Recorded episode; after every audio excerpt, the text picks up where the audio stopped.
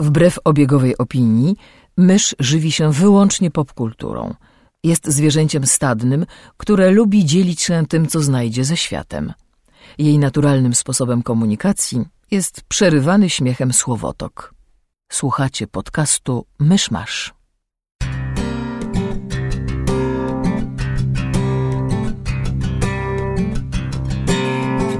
Gospodarzami podcastu Myszmasz są Krzysiek Ceran, redaktor portalu Avalon. Kamil Borek ze studia Kobart. i Mysz, autorka bloga Mysza Mówi.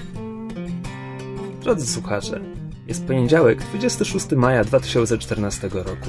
Dzisiaj Dzień Matki. Jeśli właśnie wam o tym przypomniałem, nie martwcie się. E, w razie najwyższej potrzeby zgrabny bukiecik można złożyć nawet z mleczy i babki lekarskiej.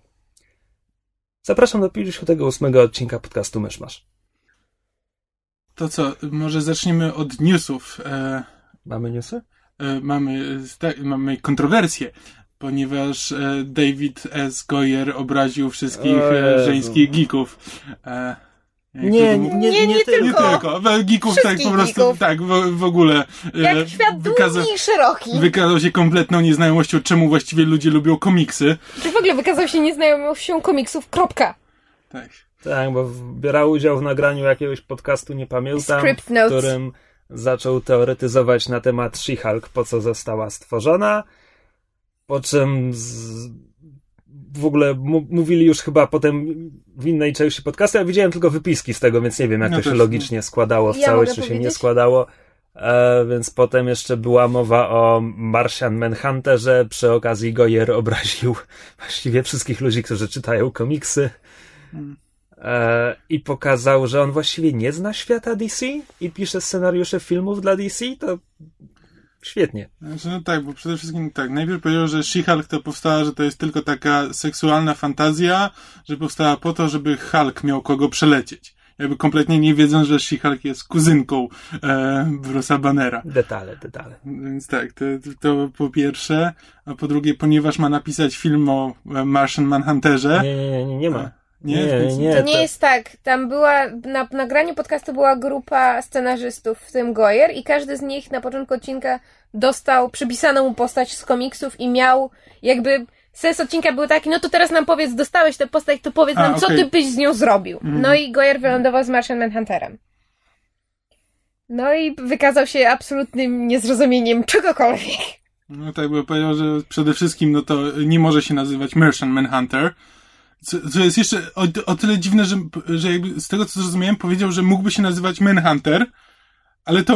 y, Tak, te- bo, te- bo to Marsjanin jest ten, głupi Tak, ten nazwie. Marsjanin, tak, mimo że Manhunter, Manhunter brzmi jak, jak agencja towarzyska, e, to, to mu nie przeszkadza, ale to tak, ale nie, Marsjaninem nie może być, bo Ale- można nakręcić film o Supermanie, bo e, Kryptończyk to Ale, spoko, pa- ale pamię- Marsjanin nie. Pamiętajmy, że to jest facet, który napisał Men of Steel'a, więc jakby szereg no właśnie. wartości No ale właśnie to jest niestety, to jest niestety ten problem, bo, no bo co, Superman vs. Batman też pisze, nie? Tak, tak. No właśnie.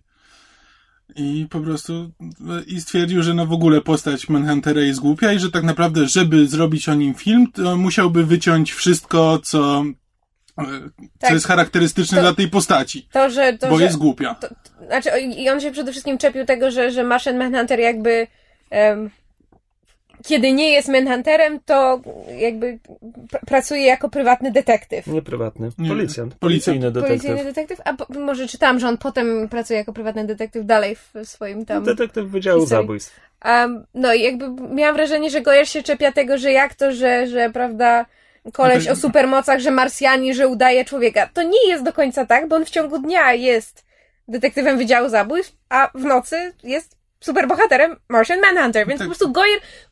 To są rzeczy, które ja, nie mając żadnej świadomości Martian Manhuntera, oprócz tej animowanej Justice League, gdzie zawsze mnie przerażał, bo miał takie blade, rybie oczy i nie bardzo wiedziałam, gdzie się patrzeć.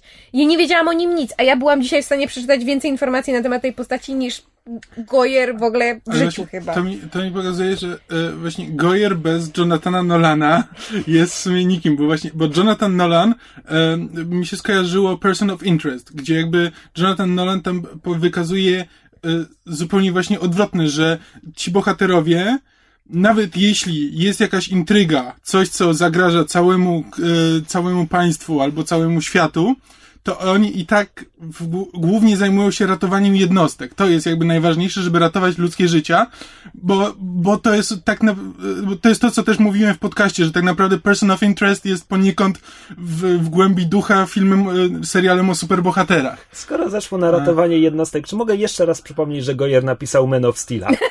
Właśnie. I, i o, to, o to chodzi. David Goyer kompletnie jakby nie rozumie, że to jest właśnie idea, ty, idea superbohaterów, że nawet kiedyś ważą się losy świata, to superbohater myśli o pojedynczych ludziach, e, o osobnych jednostkach.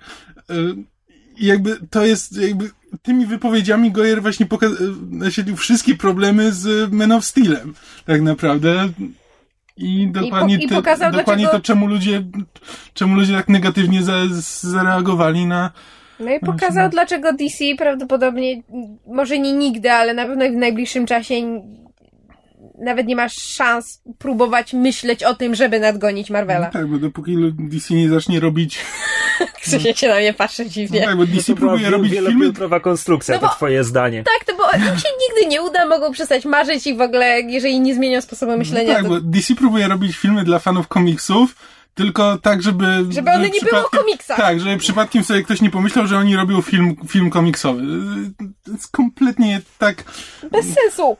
No dobra, szczerze przyznam, że ten temat ma niecałą dobę i już zdążył mnie strasznie zmęczyć i nie mam ochoty o nim więcej mówić. No tak, ale... Hmm.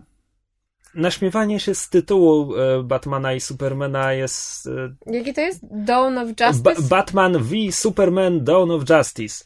Więc wszyscy w zachodnim internecie się czepiają tego V, bo V jako versus jest używany w języku prawniczym, a normalnie zwykli ludzie właśnie robią z tego VS. E, mi się ten Dawn of Justice nie podoba na zasadzie, że już, już to pisałem w internecie, więc będę się plagiaty, plagiaryzował. Jezus Maria, trudne słowo. Będziesz uprawiał samoplagiat? Tak właśnie to. Autoplagiat. Tak właśnie. Nie, samoplagiat. Brzmi śmieszniej. Samoplagiat brzmi jak jakaś seksualna praktyka. E, więc jeśli tytuł twojego filmu mógłby być tytułem następnego epizodu Gwiezdnych Wojen, popracuj nad swoim tytułem. Epizod siódmy, Dawn of Justice. George Lucas miał ten talent. Keke, atak klonów. Jakoś nigdy się nie czepiałem się. z tytułów Gwiezdnych Wojen. Mroczne Widmo? No co? No, Phantom Menace brzmi fajnie. Nie wiem. Ja nie, nie, ja nie mam problemu z tym tytułem. No dobra, mniejsza z tym. E, czy to już wszystkie newsy? Chyba tak. To może ja zacznę ponieważ z Kamilem byliśmy wspólnie na Godzilli i o tym powiemy za moment, ale ja jeszcze po drodze chciałam wspomnieć o filmie, którego prawdopodobnie nikt oprócz mnie nie obejrzy. Czekaj, jest jeszcze news a propos Godzilli, przypomniałaś mi. Ja pierdzielę, no. Facet, facet który wyreżyserował Godzillę, będzie reżyserował pierwszy spin-off Gwiezdnowojenny od Disneya. A tak, czytałam o tym dzisiaj. Czy jeszcze raz? Kto? Kto Gość, który wyreżyserował nową Godzillę. Nie wiem Aha. kto to, bo nie widziałem nowej Godzilli. Dziwne, dziwne nazwisko. Teraz sprawdzę. Gareth Edwards. To nie takie dziwne nazwisko, to nie wiem czemu mi się wydawało. Yy, już patrzę, co, za co jeszcze on może być odpowiedzialny. Poza Godzillą wyreżyserował filmy takie jak uwaga, End Day, film telewizyjny, Perfect Disaster, jakiś dokument, Heroes and Villains, też jakiś dokument, Factory Farmed, krótkometrażowy, Strefa X i potem Godzilla. Ma kompletnie nieznane, nieznane filmy ale, w swoim ale dorobku. przygotowanie w filmach dokumentalnych miał dobre. Film katastroficzny i superbohaterowie. Przygotował się. Znaczy tam było Heroes and Villains. A, a scena scenariusz tego spin-offa ma pisać inny facet, którego nazwiska sobie nie przypomnę, który pisał Walking Dead Telltale'a oraz After Earth. Więc Walking Dead Telltale'a to dobra rekomendacja, a After Earth Willa Smitha i Jadena Smitha to chyba nie taka dobra rekomendacja. Przy czym Disney oczywiście nie mówi o czym ten spin-off ma być, więc jakby dalsze rozważania są zupełnie bezpodstawne. Patrzyłem dalej e, w filmografię, że kto, chciałem sprawdzić, kto napisał Godzilla. Znaczy, autorem jakby scenariusza jest Max Borenstein, który też ma wyreżyser- y, też na, napisał nadchodzący film Seven of Sun, który wiecie jak się nazywa po polsku według IMDb? Zaskocz nas. Stracharz. A tak! Pamiętam to! O Chryste, jak to zobaczyłam! Prawda? Nie, ja to parę miesięcy temu, kiedy, kiedy znalazłam właśnie gdzieś jakiegoś newsa, że taki będzie polski tytuł filmu, to zrobiłam taki rant na Facebooku. O Chryste. Ale nie wiem skąd. Podoba mi się Stracharz. Znaczy, Nie mam Ale, pojęcia, ale to, będzie, to, film. to będzie fantastyczny film, to będzie podejrzewam, film że to może być- fantazy... Cio, to będzie film fantazy, magia i miecz tego typu, gdzie gra e, Ben Barnes, czyli książę Caspian z opowieści Narni, z Narni, Jeff Bridges, a złą wieźmę gra Julianne Moore. To będzie, to będzie mniej więcej, to mo, znaczy inaczej, to może być tak kiczowato śmieszny film jak Van Helsing, a może być tak zły jak ten film z Nicolasem Van Cage'em, Helsing. co był polowanie na czarownicę. Co się tak czepił tego Van Helsinga? To jest bardzo fajny film. Bo widziałem go dwa razy w kinie i to było półtora raza za dużo. E, dobrze, to już naprawdę jesteś. koniec newsów i możemy... Wrócić do tego, co przerwałeś myszy. Nie. Proszę, prosisz się dzisiaj o Bęcki, no słowo daję. Dobrze, to dwa słowa od myszy. Mysz e, ostatnio obejrzała film, którego prawdopodobnie nikt inny nie obejrzy, ale co tam i tak powiem. Nie znam się, to się wypowiem. A czy mamy zamiar coś powiedzieć o tej Godzilli jeszcze, czy... Czy nikt mnie nie słuchał, kiedy powiedziałam, że ja bym najpierw chciała powiedzieć coś sama, a No potem dobrze. przejdziemy do Godzilli? Ja cię słyszałem. I tak mi przerwałeś. Tak, no bo to było jeszcze do newsów. Ja szukałem informacji o twórcach. A on cię nigdy nie słucha. A, to We've established that. Yes. Dobrze. E, Film się nazywa Worried About the Boy. Miał jakiś polski tytuł? Nie wiem, jaki jest polski tytuł. Nawet nie, nie bardzo mam pojęcie, czy w ogóle pojawił się w Polsce, ponieważ był to brytyjski film telewizyjny. Em, ale jest o tyle ciekawy, że em, jest to pseudofilm tam biograficzno-dokumentalny, paradokumentalny, jakby tego nie nazwać, em, opowiadający, czy właściwie streszczający karierę e, Boy George'a. Taki piosenkarz brytyjski, jeżeli ktoś kojarzy taki zespół Culture Club albo piosenkę e, Kama, Kama, Kama, Chameleon. Nigdy nie pamiętam, ile tam jest tych Kama. Bardzo dużo. E, to właśnie Boy George był e, wokalistą zespołu. I jakby po latach wyszło, że w trakcie swoich, że tak powiem, najpopularniejszych momentów w karierze miał związki homoseksualne z innymi muzykami, którzy w tamtym czasie byli popularni. Jakby film właśnie te, te wydarzenia w pewnym, sensie, w pewnym stopniu e, opisuje czy pokazuje. I mnie film zainteresował z tego względu, że jakby jedne z dwóch głównych ról grają aktorzy, których bardzo lubię. Jeden to jest em, Douglas Booth, który... Ojejku, co słuchacze mogą kojarzyć? Ostatnio grał w e, Noem. Grał najstarszego syna Noego. A, a drugi to jest Richard Madden, czyli król Rob z Gry o Tron. Północ pamięta. Tak jest. E, I właśnie głównie, głównie dla nich obejrzałam ten film, nie spodziewając się jakby żadnych wielkich e, fajerwerków. To znaczy, umówmy się, zarówno Madden, jak i Douglas Booth są, są całkiem porządnymi aktorami w tym, w czym widziałam ich do tej pory. Bardzo, bardzo dobrze grali. Ale tutaj jakoś, nie wiem, może dlatego, że grali postacie prawdziwe, które jakby widziałam już wcześniej, bo widziałam jakby teledyski tych muzyków i jakieś z nimi wywiady, ponieważ czuwali się w postaci, które nie są mi obce, to jakby to, jak bardzo udało im się w te postacie wczuć i jak bardzo dobrze im się udało oddać pewne emocje, szalenie mi się spodobało, więc jeżeli kogoś interesuje ta, tego typu tematyka albo em, lubi epokę właśnie lat 80. i początek e, nurtu em, romantyków i, i glam rocka i tego typu klimaty, ewentualnie kino LGBT, nie wiem ilu z naszych słuchaczy w ogóle zbacza w te rejony kina, to I'm making my own jokes now. Um, to, to bardzo polecam Worried About the Boy. O, i teraz możemy porozmawiać o Godzilli. Dobrze. Wyrzuciłam to z siebie, dziękuję. Dobrze, to ja podsumuję Godzilla jednym zdaniem, a potem Kamil to rozwinie. Okej. Godzilla. It's so fluffy, I'm gonna die. On jest taki słodki. A czy- rzeczywiście, jakby największym, na, na, największą zaletą, jakby największym sukcesem tego filmu jest to, że rzeczywiście człowiekowi zaczyna zależeć na potworze, e, jak go ogląda na ekranie. Jakby przede wszystkim trailer mnie straszliwie zmylił. Dla, Ale to jest dobra mnie, rzecz. To jest bardzo dobra rzecz, ale dla mnie ten trailer był jedną z największych zmyłek od czasów e, trzeciego Ironmana.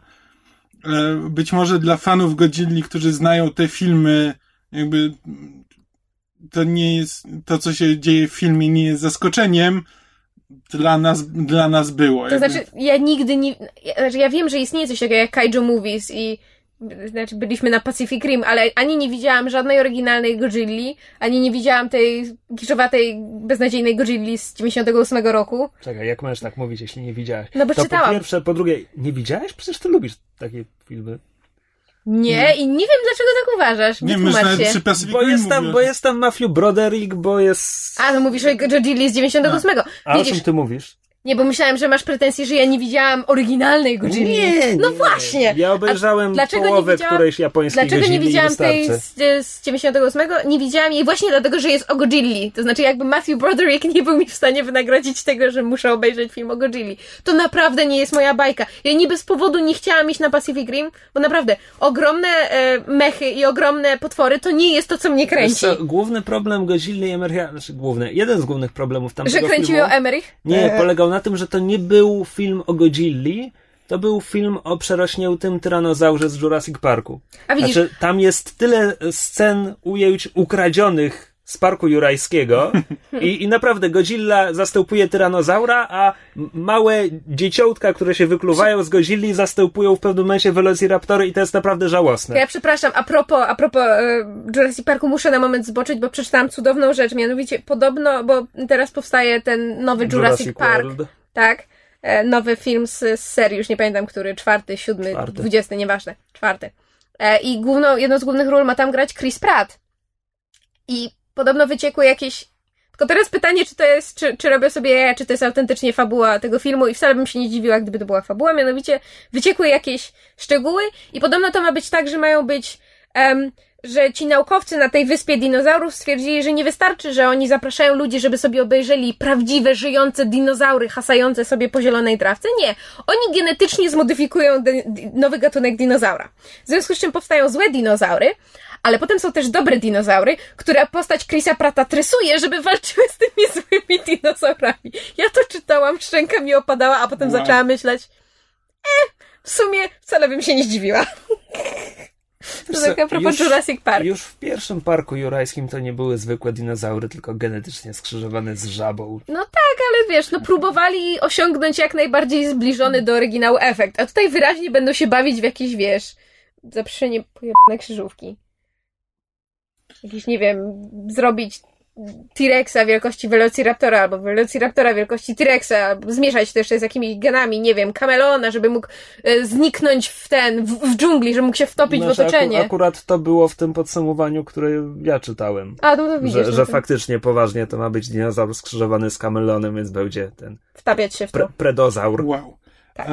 Wracając do Godzilli. Znaczy, wspomniałeś, że głównym problemem Godzilli i Americha jest to, że jest ta, to jest film o wyrośniętej jaszczurce. No to głównym problemem tej Godzilli, jeżeli ma, jeżeli można by było skondensować wszystkie problemy, jakie ma ten film, a ma ich naprawdę bardzo niewiele. To znaczy, jeżeli film ma jedną wadę, to brzmi ona za mało Godzilli w Godzilli. no tak. To jest, to, wszyscy to mówią, to jest film, w którym jest za dużo ludzi.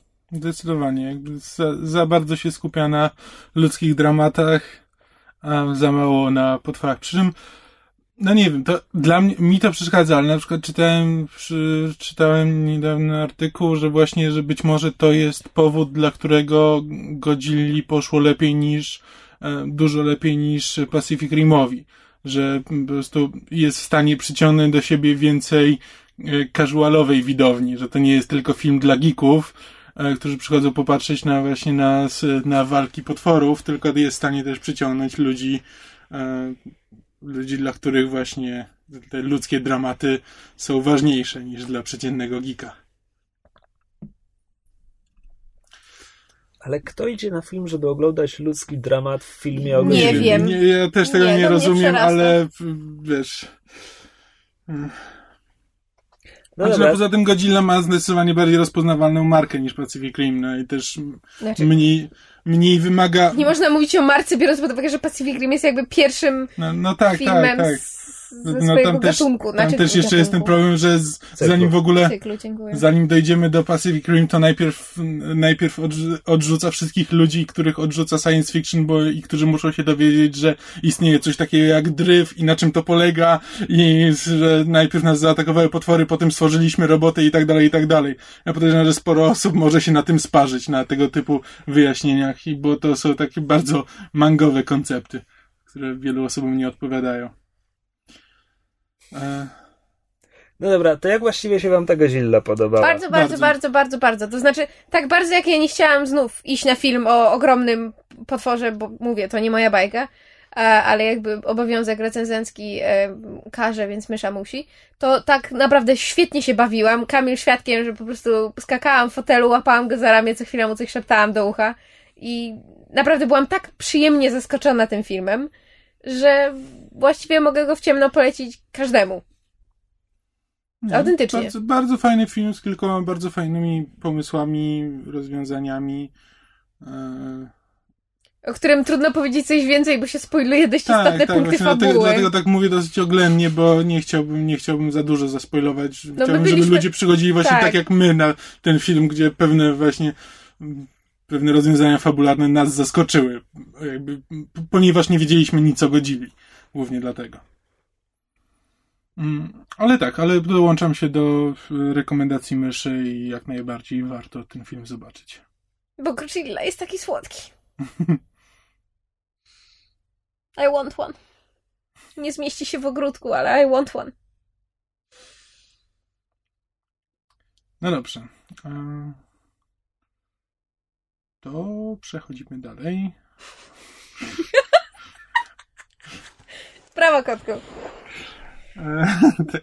Seamlessly done. Very well. Zrobiłbym jakiś segway, ale nie jestem pewien o czym mam teraz mówić, więc No coś brakuje mi podstawowych informacji. wspominałeś w drodze do studia, że coś, różne seriale się pokończyły. Po czym ja na ciebie nakrzyczałam, że nie możemy rozmawiać o finale Supernatural, bo ja go nadal nie widziałam. Znaczy, zespoilowano mi dwie rzeczy na Tumblerze, co nie zmienia faktu, że nadal go nie widziałam i nie chcę omawiać. Ale coś, mam bardzo złe podejrzenia co do tego dziesiątego sezonu, który ma się ten we wrześniu zacząć. Mm. Nie, nie będzie dobrze. Znaczy, tak, jakby końcówka Supernaturala jest bardzo supernaturalowa. Ty to jeszcze oglądasz? Tak. Supernatural cały czas, cały czas oglądam w Właśnie miarę na dzisiaj, bieżąco. dzisiaj nadgonił ostatnie parę odcinków. Czasami, czasami mam takie przerwy, gdzie mnie męczy i muszę ten, czekam ten, teraz tak miałem, że jakoś już mi się nie, trochę mi się nie chciało, więc poczekałem trzy tygodnie i nadgoniłem trzy odcinki naraz. Um, ale tak, ale oglądam. Jestem, nie, bo jestem zdziwiony, czystej. bo zapamiętałem, że jak gościliśmy Katię i dziewczyny trajkotały o tym, to ty się nie odzywałeś, ale... Bo nie jestem tak wciągnięty, poza tym e, ja oglądam ten, ten serial jednym okiem i na przykład jak dziewczyny zaczynają mówić o tym, co miało miejsce w piątym, szóstym sezonie, to ja już kompletnie odpływam, bo już zdążyłem zapomnieć. Ja już kompletnie nie pamiętam i mało mnie to obchodzi. To tak krótkimi żołnierskimi słowami o e, finale Supernaturala. e, Tyle mogę powiedzieć, że dosyć pozytywnie go oceniam pod tym względem, że przynajmniej Coś się dzieje. E, nie, przynajmniej konsekwentnie prowadzą e, postaci. Przynajmniej jakby te charaktery postaci, które jakby sobie w tym sezonie, ponieważ te charaktery się zmieniają tak co sezon mniej więcej, Yep. e, to jakby to, to, co w tym sezonie było, jakby zostało konsekwentnie doprowadzone do jakiegoś końca. Em, i wynikało z tego, co się działo, co się działo w poprzednich odcinkach, więc, e, więc tyle dobrego, co nie zawsze można powiedzieć o finałach Supernaturala. Prawda? Bo czasami to jest po prostu jakaś taka deus ex machina i nie wiem, ktoś się robi nagle zły, bo, bo tak, bo potrzeba na, wprowadzić nowego złego, ale nie, jakby postaci zostały w swoich rolach i to zostało doprowadzone do, e, do logicznego końca. E, więc to, e, to jest, to mogę mu policzyć na plus. Um, ale tak, całkiem, całkiem przyjemnie mi się, mi się oglądało. Powiem szczerze, że jak, jak na finały supernaturalowe to jest, to jest nie, nie najgorzej. Całkiem nieźle. E, co, trzymamy się seriali? Elementary? Dwa Elementary. Tak, to ty możesz powiedzieć dwa słowa o Elementary, bo jakoś na Je- mnie to nie zrobiło kompletnie No wrażenia, nawet nie, nie wiem co o tym powiedzieć. słowa. Ja nigdy jeszcze nie widziałam tak finału. on był kompletnie nijaki. Że to był po prostu kolejny odcinek. Kolejny odcinek, wiesz, żadnego jakiegoś zamknięcia, znaczy, może było tam jakieś zamknięcie wątków, ale takie na zasadzie, wiesz, przylepmy plaster na ślinę, może się utrzyma, no. Mhm.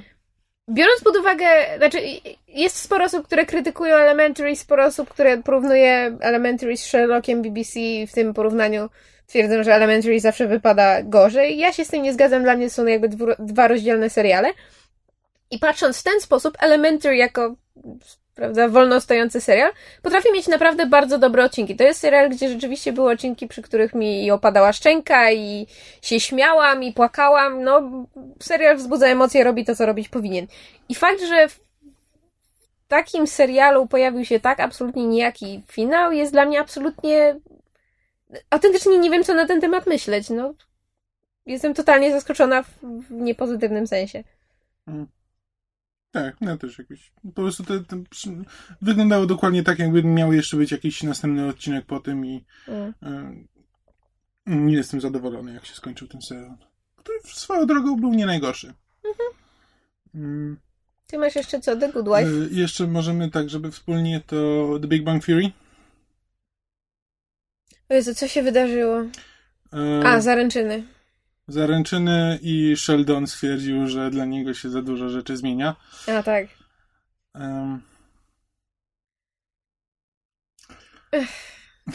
Jaki entuzjazm wzbudza ten serial. Muszę go obejrzeć. nie, The Big Bang Theory już w tym sezonie... W tym sezonie? Znaczy, no, to one już tak.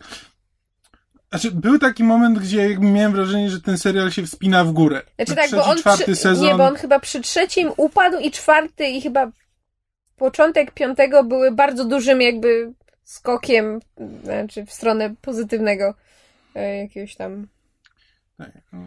tak. To zdanie po prostu zmarło śmiercią naturalną.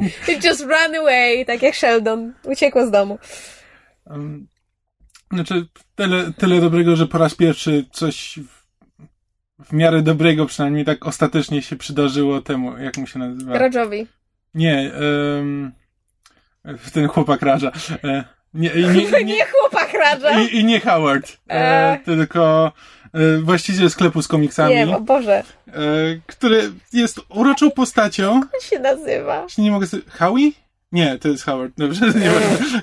Nicely done. Nieważne, nieważne, to E. mniejsza o to. Nie, nie Bruce, nie Bryce. Dobrze, właściwie z sklepu komiksowego, nie jeśli ktoś co ja ogląda widzę, ten nie wiem, serial, to wie o kim mówię. E, to, który jest uroczą postacią, zawsze go lubiłem, a jakby twórcy go traktują jako... em, Kozła ofiarnego. tak, i... Jak piorunochron na wszystko, co złe e, w świecie, to przytrafia się jemu. I jakby tak, no, też mu się coś złego przytrafiło, ale w efekcie tego czegoś złego przytrafiło mu się coś dobrego.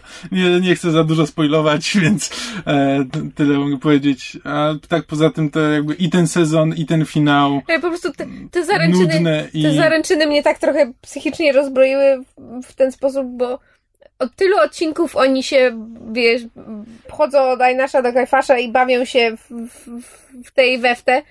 Tak, odniesienia biblijne. A, No. jesteśmy dystyngowanym podcastem. Um, i, I po prostu Penny i, i, i ten. I Leonard się w, w tej weftę tymi zaręczynami przerzucają, że może ja cię poproszę o rękę, nie, może ja cię poproszę o rękę. Że w końcu jak któreś kogoś poprosiło o rękę jest takie, no brawo, no wreszcie się nauczyliście zachowywać jak dorośli, a nie jak co- dwójka pięciolatków. No, No to i tak to jest jedna z, na- jeden z najgorszych związków w telewizji, No. więc... A pomyśleć, że takim mówić. kiedyś kibicowałam. E, tak, to, to, to, to, to, to nie jest dobry serial. I zamierzacie go oglądać dalej? Oczywiście. Głupie pytanie.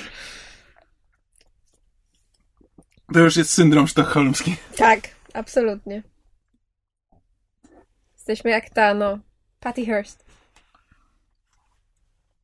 E, To ja jeszcze mogę wspomnieć o finale Good The Good Wife. Wife i w ogóle o tym serialu, który jest absolutnie fantastyczny. Ja nie mogę się e, go nachwalić.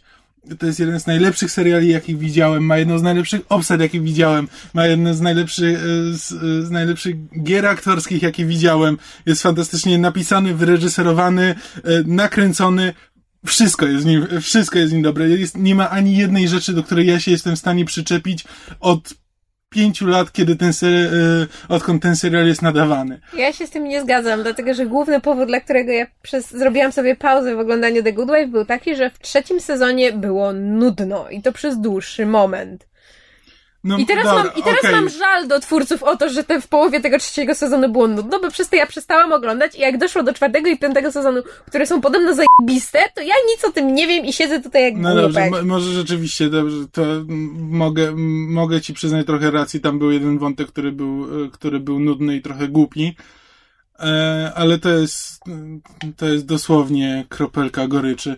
E, ale tak, ale przynajmniej jeszcze w tym sezonie to, co ten serial wyprawia, to jest, to jest niesamowite. Przede wszystkim no, jakby uwielbiam, uwielbiam tych aktorów, uwielbiam te postaci, a w tym sezonie są rzeczywiście prowadzone e, w fantastyczny sposób. Dużo się dzieje, jakby dużo zasługą jest to, że jakby sam same założenia tego sezonu, jakby wydarzenia, wydarzenia z początku nadały mu po prostu tempo, e, które które tak naprawdę sprawiło, że scenarzyści po prostu musieli, mieli za zadanie tego nie spieprzyć. Znaczy, bardzo, bardzo fajny kierunek sobie obrali i gdyby tylko, i musieli to po prostu doprowadzić, do, poprowadzić fajnie do końca, e, i udało im się to e, jak najbardziej. I jeśli jeszcze ktoś nie widział The Good Wife, to powinien. To powinien nadgonić. No przy czym no to tak naprawdę należy ten serial oglądać od początku. To nie jest taki serial, który można po prostu wskoczyć w czwartym sezonie i obejrzeć, bo sporo się opiera na tym właśnie na e, drodze, po, którą postaci przebywają i to co, się, to, co się z nimi dzieje, ma duży wpływ na to, co potem, e, potem się dzieje później. Więc e, trzeba wiedzieć, co się wydarzyło w poprzednich sezonach, żeby rozumieć, rozumieć w pełni to, co ma miejsce e, obecnie. No basically nie jest to sitcom, trzeba oglądać od początku. Mhm. Dobrze, to odchodząc trochę od seriali, które się skończyły, chciałem powiedzieć o serialu, który mm, no nie tyle się zaczął, ale zaczął się jego kolejny sezon. Serial nazywa się Louis. Wyreżyserowany, napisany i w dodatku główną rolę gra tam Louis C.K., czyli amerykański komik. E, Dosyć znany i nawet, nawet dosyć popularny w Polsce. E, W sensie z YouTube'a. E, I Louis jest przedziwnym serialem. Technicznie rzecz biorąc, to jest sitcom. Jakby w opisach jest, w programach telewizyjnych figuruje jako sitcom. Przy czym to jest taka komedia noir. Też nie mam na myśli czarnej komedii, tylko, e, tylko to jest komedia, która nie zawsze jest śmieszna, e, ale stara się być, stara się być jednocześnie surrealistyczna, ale też prawdziwa, jakby w tym, co mówi, że to nie są, to nie są sitcomowe problemy e, jakichś nierealnych osób. Tak jak oglądamy Big Bang Theory, to, to nie są prawdziwe postaci. To są jakieś tam archetypy i obserwujemy ich przygody, które są kompletnie wzięte z sufitu.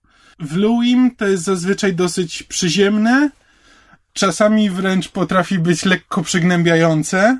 Jakby wręcz w jednym z odcinków, e, w jednym z wcześniejszych sezonów, właśnie jak Louis tam opisuje pomysł na e, film, który chciałby nakręcić. To jest film o człowieku, któremu, któremu nic w życiu nie wychodzi.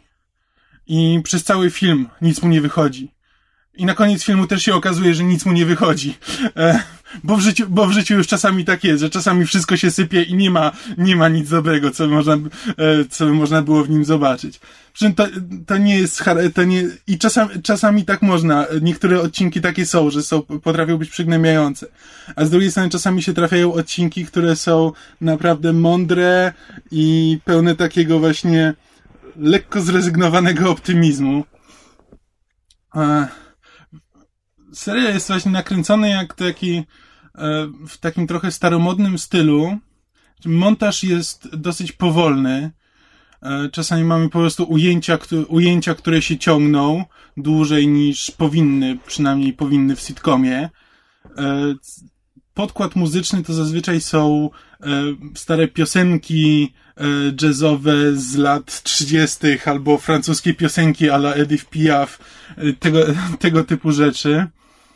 E, I na przykład jeden z odcinków w tym sezonie to jest po prostu, e, widzimy, mamy trzy, trzy historie, w których absolutnie nic się nie dzieje. Gdzie Louis spotyka się z e, jakąś tam sąsiadką, którą tam wcześniej w jednym z poprzednich odcinków e, pomagał się wydostać z windy, w której się zacięła i on po prostu do niej przychodzi i rozmawia z nią trochę, potem musi się zająć, się okazuje, że jego córka ma jakieś problemy w szkole, więc musi pojechać, e, pojechać po córkę i też się jakby z tym wątkiem nic nie dzieje, po prostu ma, po prostu musi roz, porozmawiać z córką o tym, o tym, co robi i ten serial potrafi takie rzeczy robić. Nie ma w tym, nie ma w tym gagów, e, potrafi być zabawnie, potrafi z jakieś e, spostrzeżenia e, czy sytuacje potrafią, potrafią wywołać właśnie taki uśmiech, ale, ale to nie jest serial, który stara się st bardzo stara się, żeby, żeby każdy się śmiał co, co 10 sekund. Właśnie to nie jest standardowy sitcom, gdzie właśnie ważne jest to, że to masz się, okej, okay, tu, tu jest żart, tutaj dobra, teraz możemy chwilę przystopować, ale musimy mieć żart i musimy rozładować sytuację. Nie, tutaj po prostu, jeśli tego wymaga historia, to nie ma żartów. To jest, to jest, e, jest bardziej dramatycznie. Jeśli nie, to wtedy może być, może być lżejszy. Czasami ten humor potrafi być mądry, czasami potrafi być kompletnie, kompletnie głupawy. E, to jest serial stacji FX, jakby tylko i wyłącznie dlatego on może, może sobie na takie rzeczy pozwalać. To jest jakby stacja, stacja kablowa. Znaczy to nie jest, to nie jest HBO, to nie jest premium, e, ale jakby FX stara się właśnie tworzyć seriale, których, e, których nie da się zobaczyć nigdzie indziej. To był właśnie Sons of Anarchy, tego typu rzeczy, jakby dla, dla trochę dojrzalszej widowni i to nie w takim rozumieniu, w jakim to czasami HBO ma, czy na przykład Trublat, gdzie też niby serial dla dojrzalszej widowni, ale dla tej bardzo dziecinnej dojrzalszej widowni. E, a właśnie FX stara się takie, że stara się robić seriale dla, e, dla inteligentnych ludzi i i Louis Louis potrafi być, potrafi być dziecinny, potrafi być czasami obrzydliwy, czasami potrafi być głupi. E, jakby postaci, potrafi, postaci jakby rozmawiają od wszystkim, o wszystkim od problemów życiowych po masturbację i jakby to jest, to jest normalne. Myślałby ktoś, że masturbacja jest życiowym problemem. no pewnie tak, ale tak, ale po prostu ktoś dał Louiemu C.K. serial i on sobie w nim robi co chce. On jest producentem, on jest reżyserem, jest, yy, jest scenarzystą i montażystą. On praktycznie wszystko, wszystko przy tym serialu robi samemu i, yy, i to widać. E, I jest to bardzo, daje to bardzo interesujący efekt. Na pewno nie każdemu się coś takiego spodoba. E, jestem absolutnie przekonany, że wiele osób obejrzy parę odcinków i stwierdzi, że kompletnie nie wie o co chodzi i nie rozumie, co się może w tym serialu podobać. Jedyne, do czego mogę go porównać, to są to jest Dzień Świra i ogólnie, e, bo to jest mniej więcej, mniej więcej tego typu e, atmosfera. Ale, ale polecam ten serial, warto sobie zobaczyć, warto sobie obejrzeć parę odcinków i mówię, parę osób się od niego odbije, ale jeśli ktoś szuka czegoś nietypowego, to warto. Ja. Nagadałem się, nie wiem, czy to miało jakikolwiek sens, um, ale to przejdźmy może teraz do czegoś innego. W zeszłym tygodniu w ramach wielkiej kolekcji komiksów Marvela wydawnictwa Hatchet ukazał się tom 39 już, Wojna domowa. Ja o wojnie domowej wspominałem wielokrotnie w tym podcaście, mówiąc o zupełnie innych e, komiksach Marvela, no dlatego... To jest, to jest, bardzo duże wydarzenie, prawda? E, tak, przy czym to należy może do, dopowiedzieć, że Marvel ma taki cykl wydawniczy, gdzie co jakiś czas jest takie właśnie duże wydarzenie, oni to nazywają eventem, gdzie zazwyczaj to jest e, kilkuzeszytowa miniseria komiksowa, w której dzieją się bardzo ważne wydarzenia i na te wydarzenia reagują regularnie wydawane tytuły. Albo jeszcze reagują regularnie wydawane tytuły, plus do tego te same regularne tytuły dostają bliźniaczą miniserię. Więc może być jakieś duże wydarzenie, które odbija się na tytule o Spider-Manie i jednocześnie obok tego będzie jeszcze miniseria o Spider-Manie pod, znaczy tytuł dużego wydarzenia pod tytuł Spider-Man. Mhm. E, I tak, wojna domowa była czymś takim. Nie była pierwszym takim wydarzeniem Marvela, ale wydaje mi się, że po dziś dzień była największym pod względem liczby e, tytułów, które na nią reagowały i chyba nawet zeszytów, które pod tym szyldem się ukazały we wszystkich seriach. E, rzecz ukazała się w 2006 roku. Miała tam pewną podbudowę w różnych seriach, gdzie różne wydarzenia prowadziły do tego, że Amerykanie przestawali ufać swoim superbohaterom. E, to wydanie zbiorcze Hachette e, zawsze na początku jest strona, która podsumowuje wydarzenia, które doprowadziły do tej historii, czy to w tej serii, czy w innych. I tutaj jest całkiem ładnie podsumowane mniej więcej, mniej więcej jakie serie prowadziły do wojny domowej. No a wojna domowa w kilku słowach zaczyna się tak. Grupa młodych superbohaterów robi coś e, nieodpowiedzialnego, porywa się na e, super zbira, który może tworzyć e, wybuchy. No po prostu wybucha, co nie robi mu krzywdy. I ten super zbir wybucha w pobliżu szkoły podstawowej w Stamford w stanie Connecticut. I to pociąga za sobą setki ofiar, z tego większość to dzieci co wstrząsa Ameryką, e, nastraja ludność Ameryki przeciwko superbohaterom. No i tutaj rząd i prezydent chcą coś z tym zrobić. Część superbohaterów też chce wykazać się inicjatywą, żeby, żeby jakoś opanować sytuację. I Tony Stark zaczyna współpracować e, z żołdem we wprowadzaniu ustawy o obowiązkowej rejestracji wszystkich tych E, superbohaterów, zamaskowanych mścicieli i tak dalej. Wszystkich ludzi, którzy zakładają maskę i nocą wychodzą, wychodzą z domów Pride Zbirów. E, no i Tony Stark jest za, a przeciw jest ostoja wolności, swobód amerykańskich, swobód obywatelskich i amerykańskiego snu Kapitan Ameryka, który ten bił się z faszystami w czasie II wojny światowej i teraz e, odnajduje faszystę w Tonym Starku i schodzi do podziemia. E, I na to zareagowały tytuły. Wydaje mi się, że o wszystkich bohaterach marvelowskich. Przed chwilą właśnie przeglądałam i tam widziałam jakieś w ogóle i Tigrę ta, widziałam i kogo ja tam nie widziałam. Wiesz co, Tigra, Tigra jeszcze ma mikroskopijną rulkę w fabule, natomiast e, na kartach tej, tego albumu przewija się kilkudziesięciu, jeśli nie stu kilkudziesięciu bohaterów i złoczyńców. E, I o ile w wypadku głównych ról, e, tak jak są one przypisane w fabule, czyli właśnie Tony Stark, e, Kapitan Ameryka, Spider-Man, Reed Richards, oryginalny Ant-Man, czyli Hank Pym, plus tam parę innych, to mniej więcej ma sens, kto jest po jakiej stronie. O tyle ten trzeci, czwarty plan, to tak czasami masz wrażenie, że ktoś chyba rzucał monetą. A... Kim jest Goliat? Bo właśnie się pojawił tutaj. Goliat to była ksywa kilku ludzi. Hank Pym kiedyś się nazywał Goliatem. Wydaje mi się, że Hawkeye przez moment też nazywał się Goliatem, kiedy stwierdził, że znudził mu się łuk i on też chce być gigantem i ten taranować budynki. E, I ten Goliat, który się tutaj pojawia, to jest chyba trzecia postać o tej ksywie. Tak, więc superbohaterowie dzielą się na dwa obozy i dość szybko zaczynają się prać po mordach. E, wiesz, walcząc za sprawę. E, no i całość ostatecznie rozwiązuje się taką wielką bijatyką z pewnym zaskakującym zwrotem akcji na końcu, który jest chyba jedną z wad tej miniserii. To znaczy, jeśli ktoś kupi to, co się dzieje na ostatnich stronach, to w porządku, to super. To wtedy cały album jest bardzo fajny i bardzo go polecam. Ja go nie do końca kupuję. Natomiast to, co tutaj wychodzi, to po pierwsze, e, tu jest upływ czasu, to znaczy wydarzenia dzieją się na przestrzeni kilku miesięcy.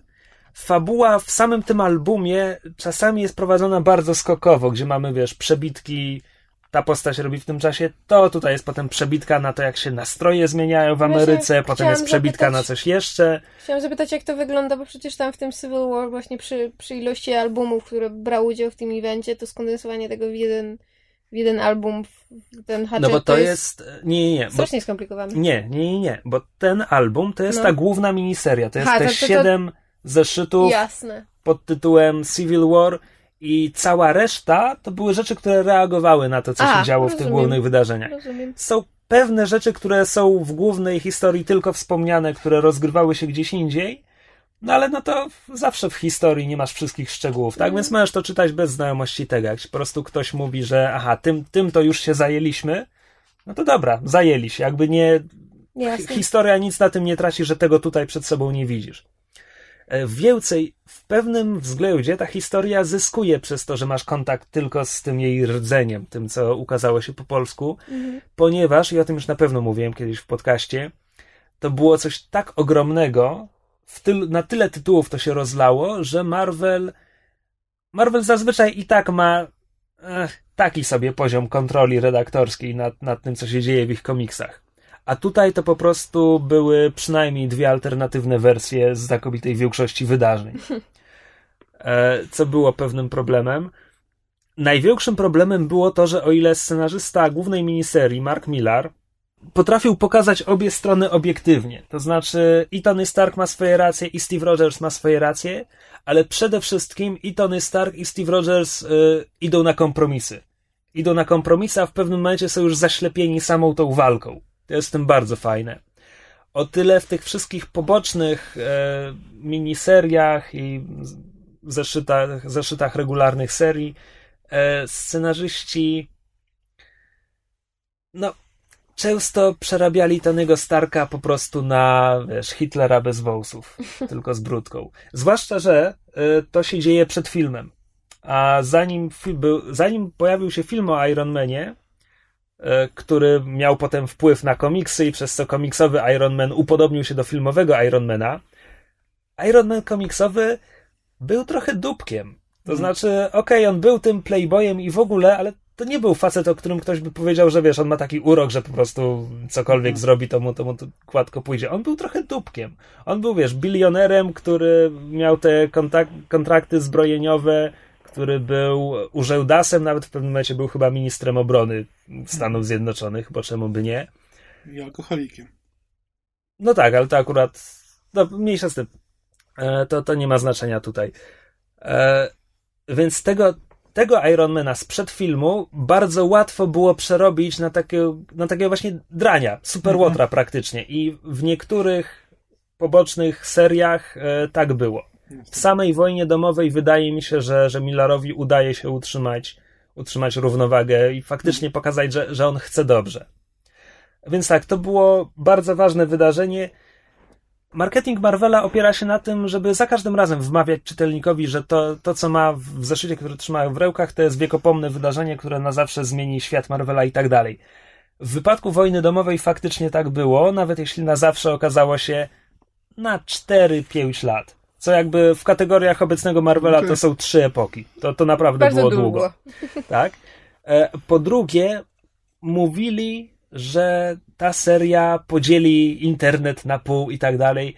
E, I to jest ten jeden raz, kiedy faktycznie mieli rację. Znaczy, fani w internecie naprawdę już prowadzili długie dyskusje. Nie, ci mają rację, nie, tamci mają rację i tak dalej. E, Wojna domowa im po prostu wyszła. No, Oceniając poszczególne części składowe, były rzeczy głupie, były rzeczy przeczące wszystkim innym rzeczom, ale ogólnie składając wszystkie plusy i minusy, wojna domowa im wyszła. E, I nawet kiedy czytamy sam ten rdzeń historii, to jest to, to jest to historia, którą mogę polecić. E, Co do rysunków, rysował to Steve McNiven, którym ja się wtedy zachwycałem. Teraz, jak na to patrzę, to pierwszy plan zazwyczaj wciąż bardzo mi się podoba, natomiast na drugim i trzecim zdarzają się babole. A także coś, co kiedyś mi w ogóle nie przeszkadzało, a teraz mnie dziwi, to znaczy czasami przyjmuje bardzo dziwną perspektywę. Na zasadzie, że cała scena jest w jednej perspektywie, potem ostatni kadr będzie w innej i właściwie nie wiadomo czemu tak jest, po co to jest. This is my favorite shot. A, tak, Co? mamy, mamy tutaj horyzontalny panel, którego jedną trzecią zajmują pośladki She-Hulk. To Na, na naszej pierwszym planie. To a propos naszej rozmowy z początku odcinka. Tak. Hmm. Żeby było śmieszniej, to była chyba pierwszy, pierwsza strona, na której otworzyłam ten album. Patrzę. O, She-Hulk. How nice. A, i w ogóle to. To było wydarzenie, ta historia to jest powód, dla którego zacząłem czytać Marvela szerzej. Znaczy, jak, jak wszedłem w komiksy, to interesowali mnie tylko mutanci. Zaczęła się wojna domowa i stwierdziłem, okej, zobaczmy, co tam się dzieje. I potem mam właśnie taką serię, gdzie jest te kilkadziesiąt, sto kilkadziesiąt postaci nie mam pojęcia, kim oni są. Po prostu chciałem, chciałem się dowiedzieć. I, i wsiąkłem wtedy. Mm. Mhm. No mógłbym się tutaj czepiać paru rzeczy. Coś, co nigdy nie miało sensu i wciąż go dla mnie nie ma, to jest to, że e, X-Meni są kompletnie z boku tego wydarzenia. Znaczy tutaj jest rozmo- Tony Stark rozmawia z Emma Frost, pyta ich, wiesz, po której będziecie stronie, bo ten, kto nie jest po mojej stronie, ten jest Sifem i tak dalej. Mhm. E, I jest wyjaśnienie, że no, w sumie to mutanci mają własne problemy i oni się tym nie będą zajmować. Co rozumiem z, z redaktorskiego punktu widzenia, bo jakby jeszcze do tego wrzucić X-Menów, to po pierwsze, któraś ze stron miałaby absurdalną przewagę liczebną i jakiekolwiek walki byłyby nierealne, znaczy wyniki, że mogą, druga strona może im stawiać opór. A po drugie, e, no, do, w crossover włączyłaby się cała rodzina tytułów o X-Menach, czyli zamiast, nie wiem, 40 serii, to by się rozgrywało w 60, więc to byłoby. No tak, ale X-Meni też nie są zamaskowanymi bohaterami. Tak, zazwyczaj. tylko że X-Meni we wszystkich wersjach, czy to komiksowych, czy filmowych, czy kreskówkowych, tyle razy e, walczyli przeciwko różnym ustawom o rejestracji mutantów i zbieraniu informacji o mutantach i tak dalej, że seria, która dotyczy tego, że superbohaterowie muszą zdradzić swoje tożsamości i się zarejestrować, jakby na logikę to jest dokładnie to, przeciwko czemu X-Meni walczyli dziesiątki razy. No, okej. I to jest trochę głupie, że tutaj stoją z boku. No tak, ale to jakby już jest czepianie się fanowskie. A ogólnie to jest bardzo warte polecenia. Także polecam. Dobra, przejdźmy do głównego tematu tego odcinka. Wszyscy widzieliśmy nowych X-Menów Absolutnie. i tradycyjnie zacznijmy od części bezpiecznej, bezspoilerowej, której można słuchać ten. Nie, og- nie oglądawszy, Tak, bezpiecznie i bez spoilerów. nie obejrzawszy. O. Może dać Polska, polska język, trudny język. Możemy dać ci jeszcze trochę czasu, jeśli chcesz. Już musiałem złapać swoją gramatykę z powrotem na lasso. No dobra, od mojego seansu minęły już e, trzy dni z haczykiem, więc tak zdążyło mi się wszystko poukładać i, i skodyfikowałem wszystkie swoje e, przemyślenia. I w największym możliwym skrócie ten film mi się podobał, ale liczyłem, że spodoba mi się bardziej. I czekam, pójdę na niego drugi raz, bo teraz już wiem, czym on jest. E, I Mhm. myślę, że za drugim razem spodoba mi się bardziej, ponieważ przy pierwszym podejściu liczyłem, że w tej kontynuacji pierwszej klasy będzie więcej pierwszej klasy. Podczas gdy chociaż no to jest kontynuacja pierwszej klasy, to jednak to jest powrót Singera, to jest e, No tak. to są ci, ci starsi X-Meni. Znaczy, w sumie było ich dość porówno, tak jakby na to spojrzeć. Znaczy, jasne, pierwszej klasy było stosunkowo Wiesz co, Trochę ale więcej, nie, ale- mówię, nie mówię nawet konkretnie o to, jak są rozłożone akcenty i tak dalej, ale chodzi mi o takie rzeczy, jak brakowało mi e, niebiesko-żółtych kostiumów. Ja nigdy nie lubiłem tych cholernych czarnych uniformów, e, których zresztą też nie ma w filmie, jakby e, nie, nie w wersji, fu, nie w warstwie historycznej, e, ale wiesz, no wyostrzyłem słuch i czekałem na nuty z pierwszej klasy, bo mi się tam strasznie muzyka podobała. Magneto miał świetny motyw w pierwszej klasie, X-Meni mieli fajny motyw przewodni w pierwszej klasie.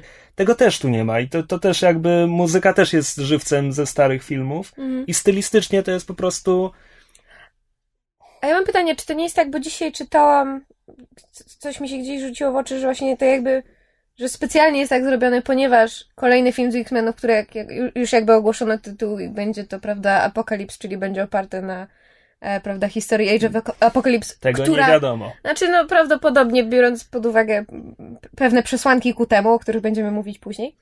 Em, ale jakby, po- ponieważ kolejny film o X-Menach ma się z powrotem skupić na jakby, na pierwszej klasie, więc ja jakby rozumiem, dlaczego w tym filmie jeszcze chcieli zrobić ukłon do właśnie fanów starej serii pod tytułem patrzcie, pamiętamy o nich, pokazujemy ich, to nie jest tak, że teraz już po prostu zrobiliśmy niejako reboot, poszliśmy w inną stronę i totalnie olewamy to, co było. Dla mnie to było właśnie fajne, uznanie tego, a z drugiej strony biorąc pod uwagę, jak, jak toczy się fabuła um, Days of Future Past, to z jednej strony uszanowali to, co my już znamy, a z drugiej strony zrobili sobie cudowną odskocznię w bok. O czym szerzej później. Dobra, tylko mówisz, że to są ukłony wobec tych starych i tak dalej, tylko że tak naprawdę, i to jest mój już chyba główny problem z tym filmem. W tych scenach z przyszłości tam są rzeczy, które mi się podobają, głównie sekwencje akcji, tam bardzo fajnie mutanci pokazują swoje moce, e, szczegóła więcej później. Tylko, że tam nie ma niczego, co by mnie interesowało. W tych scenach z przyszłości nie oglądamy bohaterów, bo ci ludzie, oni nie mają, wiesz, to nawet nie jest tak, że oni nie mają charakterów, oni nie mają nawet dialogów. Stara gwardia, nie liczył z Patricka Stewarta i Jana McKellena, ma po, wypowiada po pięć słów na krzyż w tym filmie. Ale jakby dla mnie, kiedy mówię, że jakby ukłon w stronę starych fanów, nie chodzi mi o samą właśnie obecność, no bo umówmy się, tam jest chyba, nie wiem, dwunastu bohaterów pierwszoplanowych w tym filmie. Nie, czterech. Pierwszy plan? No taki ten szerszy pierwszy plan, no. Pierwszy plan z drugim planem, no. E, i, I jakby nie chodzi mi o samą obecność tych postaci, to ile one mają do zagrania, tylko jakby ukłony w stronę historii pierwszej trylogii, znaczy tego, co się w niej działo i jak to się wpasowuje w e, Days of Future Past, jak to zostało um, wykorzystane, jak wokół tego zostało oplecione Days of Future Past, jak to się jedno do drugiego dopasowuje, biorąc pod uwagę, że mamy wątek podróży w czasie i tego, czy jak, jak, jak wprowadzimy jakąś zmiany, to czy przyszłość się zmieni i jeśli tak, to jak się zmieni, czy da się zmienić przyszłość, etc., etc., etc. Pod tym względem bardzo mi się podobało, jak moim zdaniem ładnie zostało to wplecione w, w te wątki, które znamy z pierwszej klasy. Okej, okay, tak, to jest zrobione dobrze. O, Natomiast... i tylko jakby o to. Natomiast wiesz, dramatyczna walka X-Men z przyszłości z Sentinelami Ech. nie może mnie obejść, no bo czemu ja mam się przejąć tym facetem, o którym wiem jak się nazywa i nic poza tym. Mhm. Nie, tu się, tu się wiesz, absolutnie zgadzam. Jako czytelnik komiksów mogę uzupełnić całą swoją wiedzą, tak? Wiem kim są Warpath, Sunspot, Blink i tak dalej. No ale w tym filmie prezentują trochę efektów specjalnych. Fajnych efektów specjalnych, bo Blink jest niesamowicie tak. zrobiona i mi się szalenie podobało. Mm. I po prostu wszystkie jej sceny, a nie ma ich znowu tak wiele, miałem z tyłu głowy Now you're thinking with portals. A, znaczy, ja wcale wcale nie mam takiego wrażenia, że, że chciałbym więcej się dowiedzieć na temat tych e, mutantów w przyszłości. Znaczy pewnie tak, ale nie w tym filmie bo to by kompletnie, y, kompletnie zaburzyło, zaburzyło równowagę tego filmu. Widzisz, mi właśnie nie chodzi o to, że y, dla, dla mnie było ich za dużo, tych scen z przyszłości.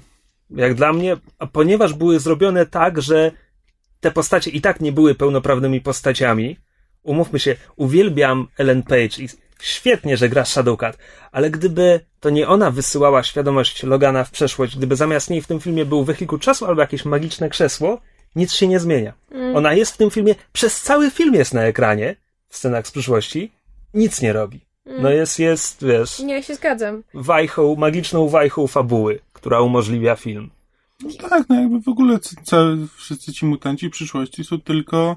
Do scen akcji właściwie, jest, no. Tak, to tylko parę, tam może parę, parę scen akcji i poza tym to służą tylko i wyłącznie jako stawka yy, żeby pokazać y, o co, o co gramy. Napięcie, tak?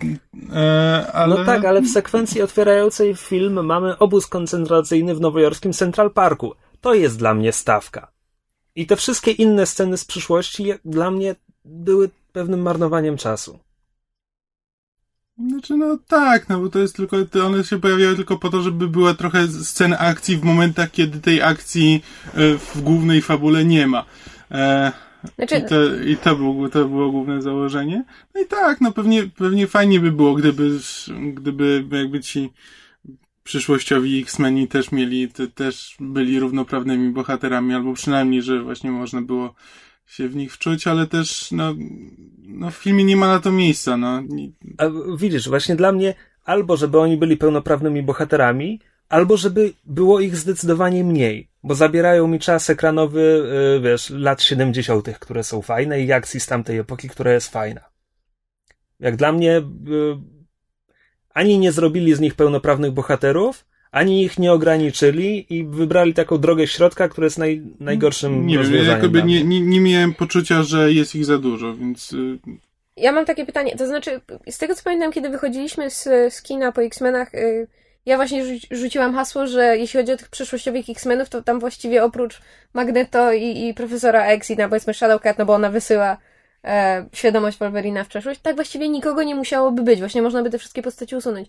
Tylko potem stwierdziłam, że okej, jeżeli te, trzymamy się linii fabularnej, że w tej przyszłości oni muszą, mają pewien określony czas, w którym mogą to zrobić, bo te Sentinele ich gonią, to tam musi być ileś postaci, które będą służyły za tę obronę, bo mimo wszystko moje suspension of disbelief nie jest na tyle duże, żeby uwierzyć, że Profesor X i Magneto sobie sami, sami poradzą, nie wiem, z setką czy dwusetką Sentineli. Tak, tam musi być ileś wynika- postaci. Ale to, y, jak dla mnie, wymyślono ten mechanizm podróży w czasie, żeby uzasadnić te sceny w przyszłości, a nie na odwrót. Aha, Ponieważ ten gdyby sposób. ten mechanizm podróży w czasie był taki, jak zwykle jest w filmach o podróży w czasie, czyli po prostu pstryk i przesyłamy kogoś w czasie i nie ma tam konieczności, że musimy utrzymywać pouczenie tralalala, Mhm.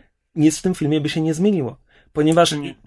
ponieważ i tak by, i tak w przeszłości e, mieliby ograniczony czas, ponieważ tam muszą powstrzymać Mystique. Działania Mystique wyznaczają, ile mają czasu. To nie jest tak, że prześlemy kogoś w przeszłość i on będzie miał 50 lat, żeby do tego nie dopuścić, ponieważ on może, ma nie ustalili- dopuścić do tak. konkretnego wydarzenia, na co ma tylko parę dni. Tam i tak jest limit czasu.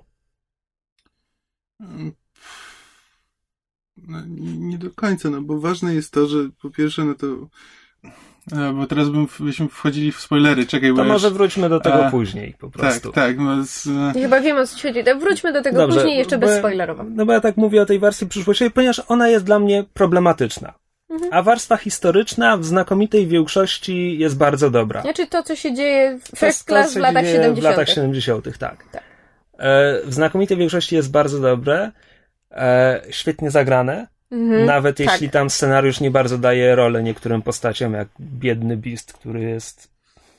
Jest cały film na ekranie, ale, ale, z ale postacią. fajnie, fajnie go zrobili. Fajnie go no zrobili. nie wiem, drugoplanową? Tak, Może? Trzecio, tylko bardziej tak. Tylko po to, żeby Xavier miał do kogo mówić i że też jako, żeby wyjaśnić, czemu Xavier może no, chodzić w tym filmie. Nick Nicholas Holt ładnie sobie, ro, ro, ładnie sobie radzi z dość niewdzięczną rolą. Mhm. E, McAvoy jako Xavier jest rewelacyjny tutaj. Tak. I ten Xavier też jest świetnie napisany.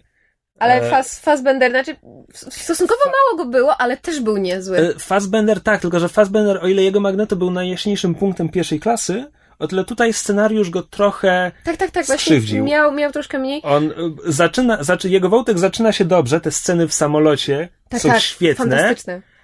a potem psztyk i zostaje spłaszczony i wciśnięty w rolę. Tego złego. Technicznie rzecz biorąc. Tak znaczy, naprawdę no, tutaj nie ma takiego, wiesz, głównego złego złego. u, ustalmy coś. Magneto zawsze był na zasadzie ten zły, ale nie zły, bo jak się przyjrzeć, to on ma w sumie rację, bla, bla, bla, bla. Tak, tylko y, właśnie chodzi mi, chodzi mi o to, że y, on w samolocie świetnie wykłada swoje racje i Mhm, jakby nigdy, tak, tak. nigdy tak bardzo nie miał racji, jak mają w tej scenie, a potem ta dwuznaczność zupełnie znika. Mm. Mi się też bardzo podobała e, Mystique mimo wszystko. To znaczy, jakby bardzo lubię Jennifer Czemu Lawrence w tej roli. Bo sporo osób, znaczy ch- chodzi mi o to, że właśnie sporo osób ostatnimi czasy bardzo psioczy na Jennifer Lawrence, że ona w ogóle nie umie grać i dlaczego ona dostaje te wszystkie Oscary. Ja się z tym nie No, zgadzam. się... Jennifer Lawrence. Co?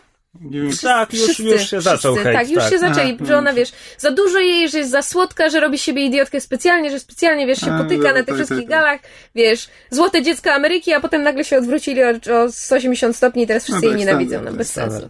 Nie, ja ją bardzo lubię. Tutaj miała dużo więcej do zagrania niż w pierwszej klasie, gdzie w pierwszej klasie w pierwszej klasie Mystique była jak Magneto w Days of Future Past. Znaczy, jej wątek zaczyna się dobrze, a Mhm. potem scenariusz ją gubi kompletnie. Tak jest. E, tutaj jest centralną postacią dla filmu i, i radzi sobie z tym dobrze. Jest fajnie napisana i właściwie wszystko, co było związane z Mystique mi się podobało. A się dziwiliście, jak mówiłam, że w- filmie jest trzech głównych bohaterów, Magneto, Xavier i Mystique, żeście mi, na mnie krzyczeli. No, czworo. Wolverine jednak jest pierwszoplanowym Wolverine głównym bohaterem. wiesz, E, Byłem zadowolony z tego, że jakby nie przesłonił filmu, tak jak się bałem. Tak. Tak jak wiesz, jak dotąd była trylogia filmów drużynowych, w dużym Aha, cudzysłowie, i to aha. zawsze Wolverine.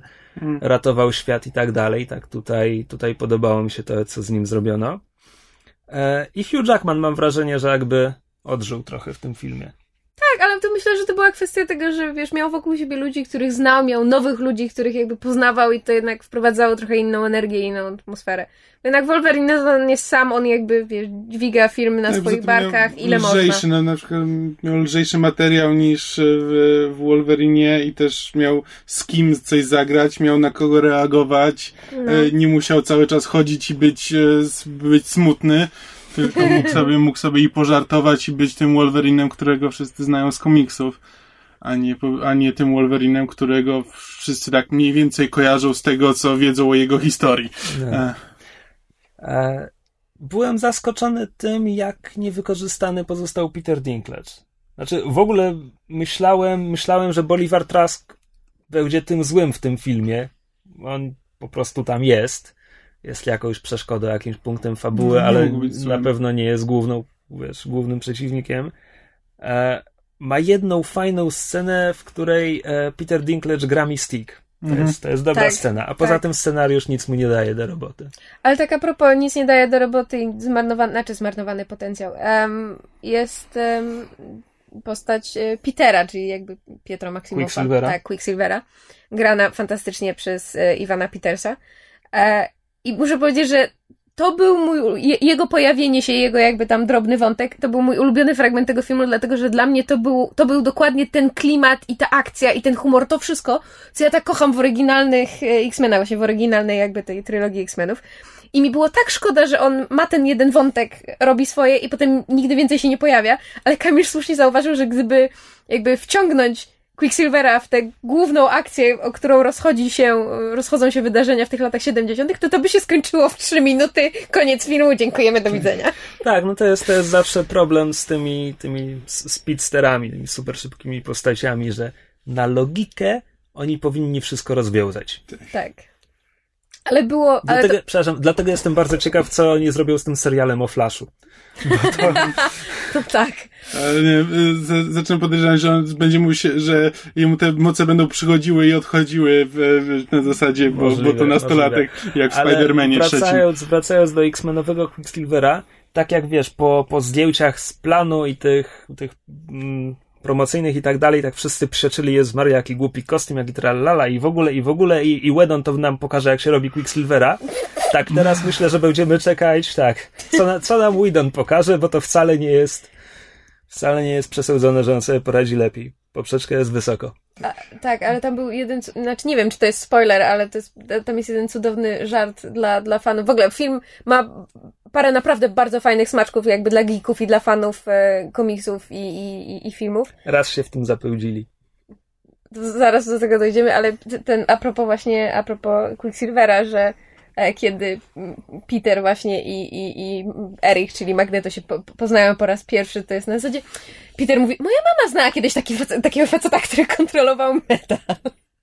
Tak, tylko że to jest zabawniejsze jako dowcip niż, niż jako potwierdzenie ich relacji Nie, rodzinnej. nie właśnie, to, to chodziło jakby, że wiesz, że twórcy na zasadzie mrugają do nas, że wink wink, wiemy jaki origin story ma, prawda, tak, Pietro w komiksach, ale my tego nie będziemy tak, robić, w tym, ale... W tym filmie nie ma miejsca na relację właśnie ojcowsko-synowską, ale wiemy, że tak, że to jest, że, że taka jest historia. Tak, taki znaczy, jest origin. jakby oficjalne potwierdzenie od twórców filmu, że w filmowej rzeczywistości też tak jest, jakby, że Aha, Magneto czyli... jest ojcem Quicksilvera. A to nawet nie wiedziałam, że, że, że ostatecznie to potwierdzili w no tym. Tak. Natomiast jak mówię, że się zapełcili, no to wśród tych wszystkich, wiesz, uśmieszków i mrugnięć okiem jest czy, taka czy my scena, nie przechodzimy kiedy... do spoilerów? Czy nie powinniśmy ostrzec i po prostu już teraz, czy mamy jeszcze coś że o, o, o, no podsumowując część ogólną, wszystkim się podobało, są zastrzeżenia, ale jak najbardziej warto, warto pójść raz, można pójść drugi raz, żeby sobie bardziej wszystko ustosunkować. Krzysiek idzie drugi raz, ja też idę drugi raz. Znaczy tak, jakby po, po serii takich dosyć niemrawych filmów, znaczy no... Oba złym, Wolverine. Złym, bardzo złym Lastendzie, kiepskim pierwszym Wolverine i no niech będzie tym pół drugim Wolverine. Pół, pół na pół to, to jest rzeczywiście film, no, którym można się, można się znaczy, ekscytować. Inaczej, to nie jest tak dobry film jak pierwsza klasa. To nie jest tak dobry film jak pierwsi X-Meni, ale jest mniej więcej na poziomie drugich X-Menów. Mówisz, naprawdę? Według Ciebie pierwsi X-Meni są lepsi od drugich? Znaczy ja po prostu tak, a ja po prostu bardzo lubię pierwszych X-Menów. Bo dla mnie to było wprowadzenie do tego świata i to jest moje wielkie, moja wielka, wielka miłość. No, jest do tego dla, filmu. Dla mnie to nie było wprowadzenie do tego świata i zapamiętałem go jako taki trochę nudny. Dla mnie w drugim się chyba trochę za dużo działo w pewnym momencie. A teraz mi się mieszają fabuły już. No dobra, nie wchodźmy w to. Last Stand, ja, Last Stand wiadomo, że A nie. ja z kolei jakby X-Meni w sumie, w sumie zawsze, zawsze tam mniej więcej lubiłem, ale nigdy nie wzbudzali we mnie większych emocji. Dopiero tak naprawdę First Class sprawił, że, że naprawdę mi się, naprawdę mi się podobali X-Meni. No, ale warto, jeżeli ktoś lu- lubi serię, to w ogóle czemu nas słucha, już powinien dawno być w kinie i wszystko wiedzieć. E, i, a, a jeżeli ktoś się tylko jakby zna serię, ale nie jest wielkim fanem, to też jak najbardziej może pójść, bo film się dobrze ogląda. To jest właśnie pytanie, czy ten film można obejrzeć jako pierwszy film o mutantach? Jako pierwszy film o mutantach nie, ale jeżeli na przykład obejrzało się pierwszą klasę, potem się obejrzy Days of Future Past, a potem na, na, pod wpływem tego działa. oryginalną trylogię, to to jest fajne, no bo to się właśnie, to mi się podoba, że ta oryginalna trylogia wpasowuje się w ten film, ale jakby mm, nie, nie decyduje o jego, nie bardzo wiem jak to powiedzieć, no po prostu Days of Future Past w pewnym momencie odbija od, Mhm. od nurtu fabularnego i to jest właśnie to, co mi się bardzo podoba, że uznają to, co się wydarzyło, a jednocześnie no, nie, to jest nie, taki nie, Star Trekowy reboot, no. tak, bardzo a propos Star Treka, to chyba To teraz, teraz już jesteśmy w części spoilerowej, Tak. zdecydowanie. a propos Star Treka, to tam był cudowny, cudowny e, przecież to, to, to jeszcze w materiałach promocyjnych było jakby wiadomo, Co? że... No nie wiem, no jakby dla mnie, dla mnie zawsze było jasne, że ten film jest um, niejako rebootem do tego, żeby wrócić, żeby um, wrócić do, do X-Menów tych starych, tylko nie, nie, nie musieć tego robić po last standzie. No nie.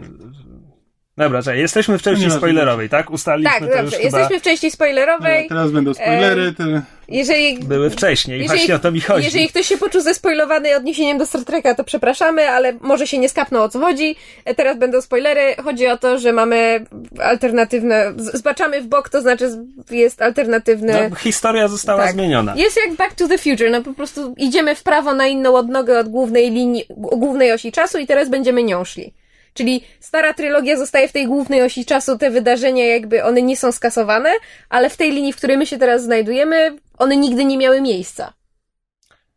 No bo to tak Albo wygląda. miały, ale inaczej, no bo tak naprawdę niczego nie wiadomo.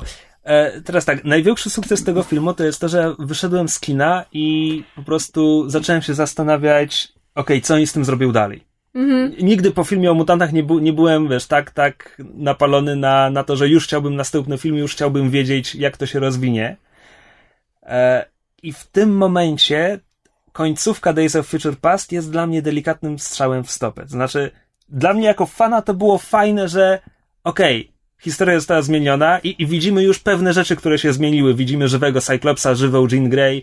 Już jest właśnie- wiemy, że wszystko się zmieniło, ale po Days of Future Past twórcy mogli zrobić wszystko, a teraz już mniej więcej wiemy, do czego to wszystko ma dążyć, tak? Mhm. Ta końcówka Days of Future Past, no. Wszystko nie może się wydarzyć zupełnie inaczej niż wydarzyło się w oryginalnych filmach, no bo.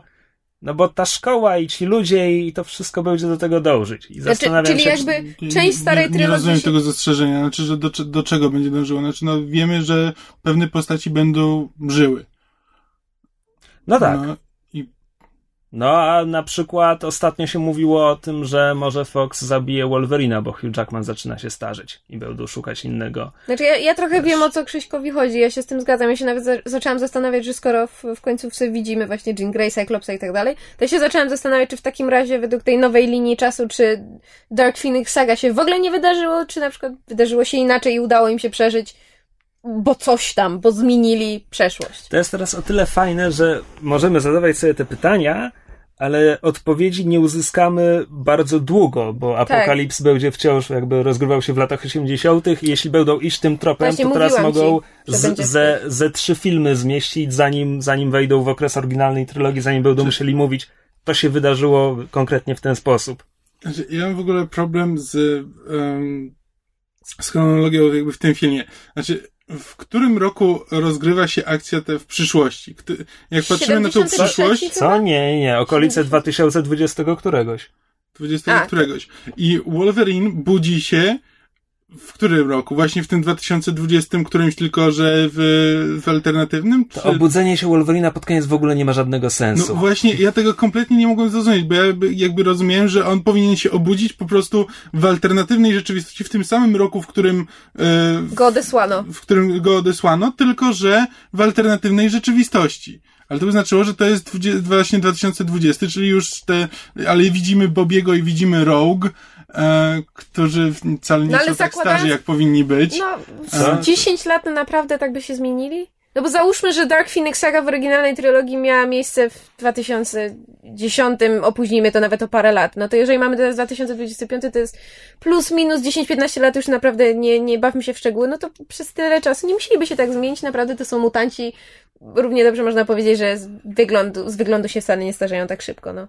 Że to obudzenie się Wolverina jest dziwne, bo jakby ze wszystkich filmów i komiksów o podróżach w czasie i tak dalej, to, to, to w żaden sposób nie powinno tak działać. To znaczy, przysz, w ogóle przyszłość, w której on został wysłany w przeszłość się nie wydarzyła, więc technicznie rzecz biorąc to nie zaszło, ale musiało zajść, żeby potem zmieniła się przyszłość, więc paradoks, okej, okay, nie czepiajmy się, ale nie, nie rozumiem nie rozumiem, czemu Wolverine, świadomość Wolverina ze starej rzeczywistości budzi się w nowej. Zupełnie tego nie rozumiem. Co więcej, to ma e, poważne konsekwencje, o których nie wiem, czy scenarzyści pomyśleli.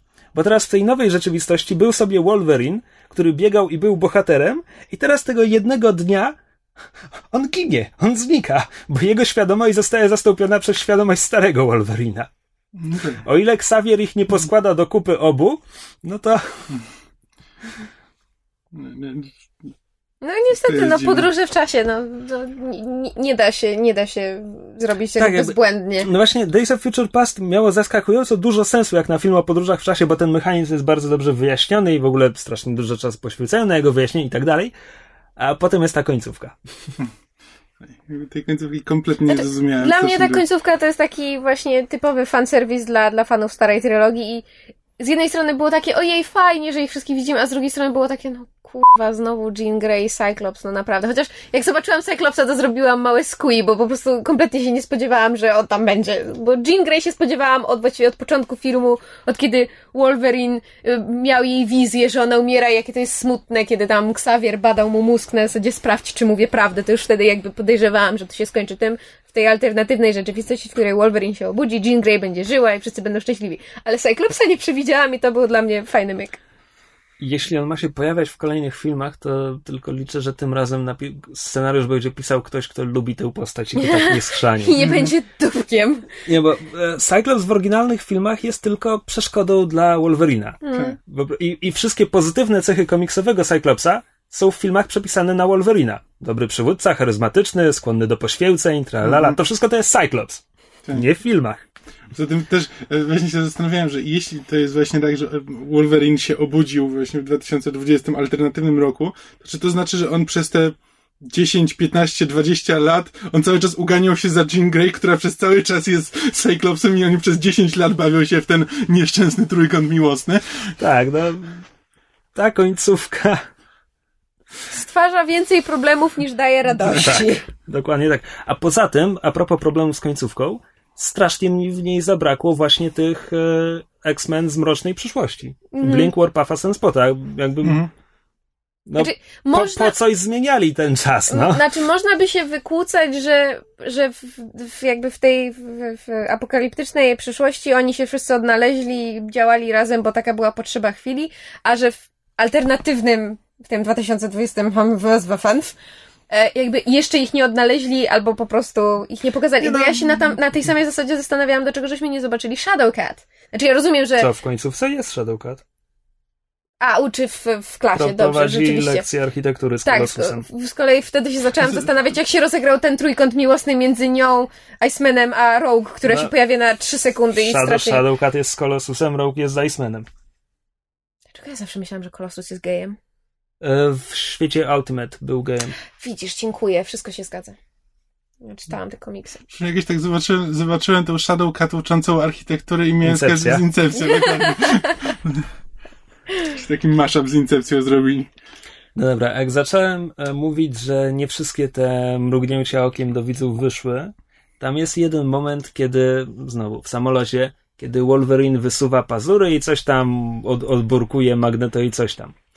I Magneto mówi do Wolverina Imagine if they were metal. Tak. Bo te tak. pazury są kościane. I to jest bardzo haha, bo te pazury będą metalowe już za chwilę. Ale ta kwestia tak bardzo nie ma sensu. Tak. To, jest to było prostu- bezsensowne. Jakby ja się, i, najgorsze jest to, że ja się jakby w tej chwili, w, te, w tym momencie zacząłem zastanawiać, czy Magneto wie coś, czego nie powinien wiedzieć, czy on ma jakąś pamięć z swojej przyszłości, czy coś. No nie, Nie, zu- a- zupełnie ale potem nie. doszło, do mnie, nie, to jest po prostu głupi dowcip. To no. jest po prostu głupi dowcip. Natomiast z tej samej szkoły, ale udany dowcip, to jest e, wykrywacz metalu. A tak, Tak, o Chryste, ja się zaczęłam tak śmiać, jak to było. To była taka piękna scena. Jeszcze ten Wolverine tak patrzy na ten wykrywacz, takie... O, to tak żyją normalni ludzie. Ale a propos jeszcze fajnych, moim zdaniem, udanych dowcipów, tak jak Kamil mówił a propos tego, że jakby of Future Past trochę taki Star Trekowy reboot, to było fantastyczne, jak w, w że tak powiem, w, w pokoju Hanka, czyli Bista, właśnie były te wszystkie telewizory, co on mówił, że e, udało mi się nagrać nagrania z trzech kanałów Wolverine. Trzech kanałów? Tak, trzech kanałów i z PBS. I na jednym z ekranów jest właśnie, e, nie, nie wiem, który Star Trek, ale Oryginalny. właśnie... Oryginalny? Co, co właśnie... Tak, z Shatnerem. No tak, Shatner i Nimoy tam. Bardzo młody Tak, jeszcze nie, ale po prostu nie wiedziałam, czy to jest serial, czy to jest z któregoś filmu. Co za Em, różnica. I właśnie Ra- jest. raczej serial, bo za młodo wygląda Nie, znaczy mi się wydaje, że jest film, bo przecież jest film Star Trekowy, gdzie oni podróżują w czasie i jest chyba moim zdaniem właśnie, bo on tam, Kirk tam mówi Ale na zasadzie, że podróżują- musimy się cofnąć gdzieś tam. Ale w filmie podróżują w czasie chyba w czwartym dopiero, to już zdecydowanie byłby starszy Shatner. To, to, to, to już był gruby Aha, czyli to po prostu jakiś wzięli fragment i, i, i jakoś to przy tam przearanżowali, ale bardzo, bardzo mi się to spodobało. A ja mam jeszcze takie dziwne pytanie, czy waszym zdaniem makijaż Mistyk nie jest trochę za mroczny? Ona wygląda jakby była granatowa w tym, w tym momencie, bo jakoś em, to jak była Re- Rebecca Romin e, umalowana w oryginalnej trylogii, to było fajne, to był w sumie taki stosunkowo jasny odcień. W pierwszej klasie Jennifer Lawrence miała stosunkowo ciemniejszy make-up niż w oryginalnej trylogii jakby poznaliśmy, ale tutaj już była no jak, jak mroczne niebo, no po prostu ciemnogranatowa. Ja wiem, że w niektórych komiksach jest tak... Kolorysta się zmienił. No właśnie, że w niektórych komiksach Mystique jest kolorowana w trochę innych odcieniach błękitu, ale po prostu jakoś za bardzo, za miałam za duży kontrast między tym strasznie ciemnym make-upem ciała, a, a tymi czerwonymi włosami. I zgrzyt. E, To nie był make-up. E, Tym razem po raz pierwszy ona biegała w kostiumie. Znaczy w jakim kostiumie? W sensie No, full dotąd, body suit? tak, dotąd Re- Rebecca Romin Stammons i Lawrence w pierwszej klasie No tak, były malo- malowane i malowano, nakładali łuski, co Tak, wyglądało fantastycznie. Ale okazało się przy kręceniu pierwszej klasy, że Lawrence ma uczulenie na ten makijaż. Czytałam, dobrze, I tak. dlatego w Days of Future Past to była rajstopa na całe To ciało. dlatego to tak dziwnie wyglądało. To ja teraz jak będę oglądała drugi raz ten To film, nie to będę wyglądało musiała jak się skóra, to wyglądało właśnie jak Tak, jakiś właśnie taki dziwny wyglądało- nylon czy coś. Coś Ja nie miałem było nie żadnego tak z tym, z tym, tym. Znaczy Ale strasznie się sztucznie wyglądał po prostu. Ona- na, na zbliżeniach wyglądał strasznie sztucznie, nie ale tak Nie fantastycznie się rusza. problemu. Sceny akcji z Mystique nadal są absolutnie Mhm. fantastyczne. To jest chyba jeden z moich ulubionych e, jakby rodzajów walk w, w filmach. No tak, ale to zawsze im dobrze wychodziło. Mhm. Już, już w 2000.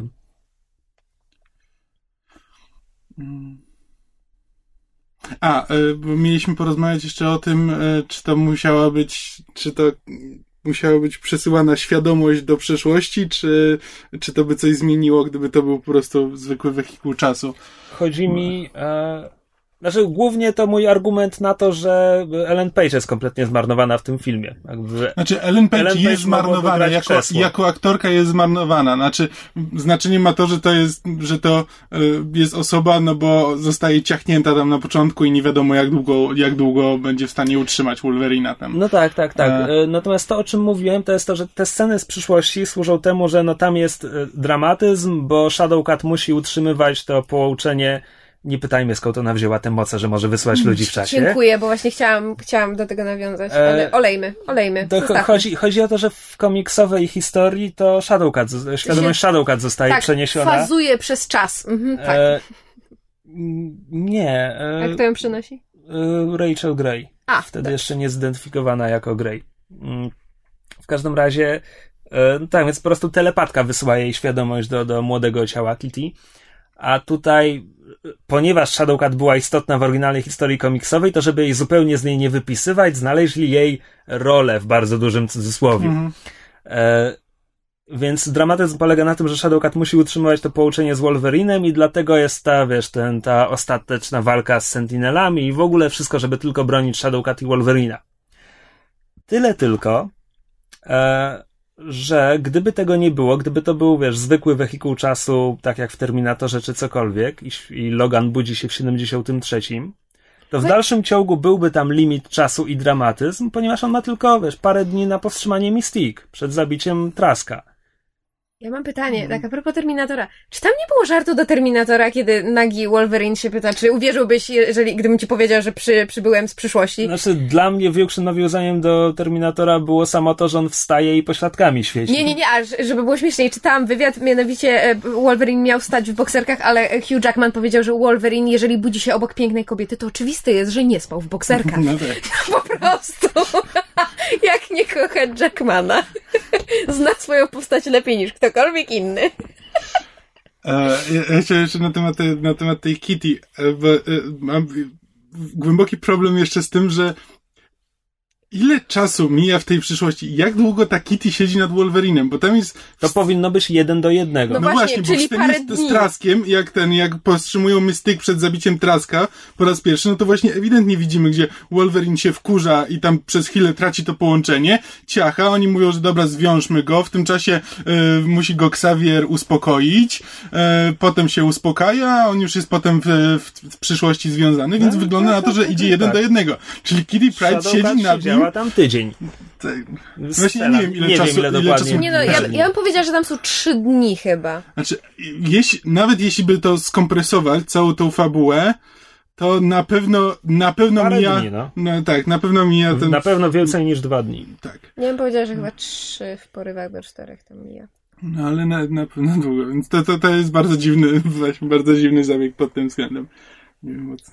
A ja mam takie mm, pytanie, bo nie wiem, czy zwróciłeś uwagę, jak jest w pewnym momencie pokazane, że właśnie Peter, y, czyli Quicksilver ogląda jakby te, te wydarzenia, całą tę rozpierduchę, którą Magneto y, robi. Ogląda na, telewizo- na telewi- te- telewizorze i przed nim y, Młodsza siostra. młodsza siostra. I ja się za- za- zaczęłam zastanawiać, czy oni w ogóle zamierzają coś robić z Wandą, czy to był tylko taki Nie mam pojęcia. myk? No właśnie, bo tak się zastanawiałam, no bo bez powodu by tego nie, nie, nie wrzucali. Że może to był właśnie nie, jakiś ukłon do fanów tak. na zasadzie, że wiemy, że Peter, znaczy, że, że Quicksilver ma siostrę.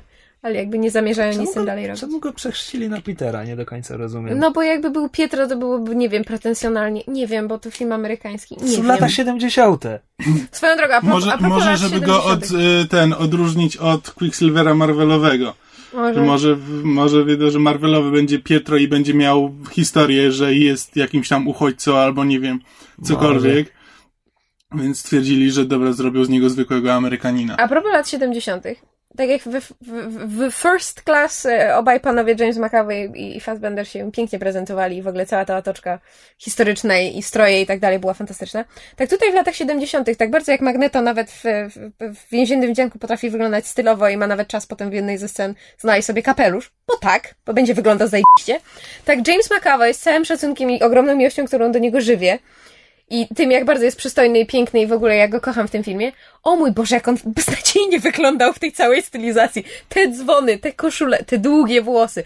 O Chryste, miałam ochotę się zabić. No tak, no, wygląda tam jak bezdomny przez cały film. No. Totalnie. No ale on gra z zapuszczonego Xaviera. Ja wiem, ale to już po, po prostu...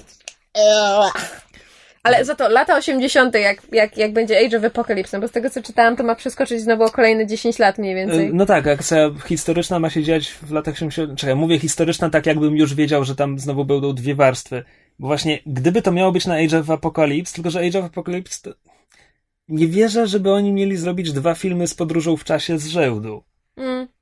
Dlatego mam wrażenie, że tam coś bardzo, bardzo innego Znaczy, będzie ja z tym apokalipsem. Przeczytałam chyba gdzieś, że to będzie na zasadzie, że on, że oni za, z, znaczy zasugerują, że w Age of Apocalypse, znaczy w czy tam X-Men To jest Apocalypse, po prostu X-Men no Apocalypse. właśnie, że będzie na zasadzie, że przechodzimy do lat 80., tam jakieś wydarzenia, prawda, z, z ten i oni się jakby orientują, czy, czy w związku z tym, że program Sentineli został powstrzymany, to Apokalips w tym momencie stwierdza, że okej, to ja się teraz zacznę bawić i przejmę władzę nad światem. Że on jakby istniał przez cały ten czas gdzieś z boku, myśmy o nim nie wiedzieli i on w tym momencie postanawia wyjść jakby z ukrycia i się pojawić. Czy ewentualnie Xavier się o nim dowiaduje, bo jego moce się zwiększyły, Cerebro mu coś mówi, nieważne. W każdym razie on cały czas istniał, tylko my się dopiero na tym etapie o nim dowiadujemy. Że komiksowe Age of Apocalypse polega na tym, że tam z tyłu okładki wydania zbiorczego jest e, Charles Xavier nie żyje, zabity w dziwacznym wypadku związanym z podróżą w czasie.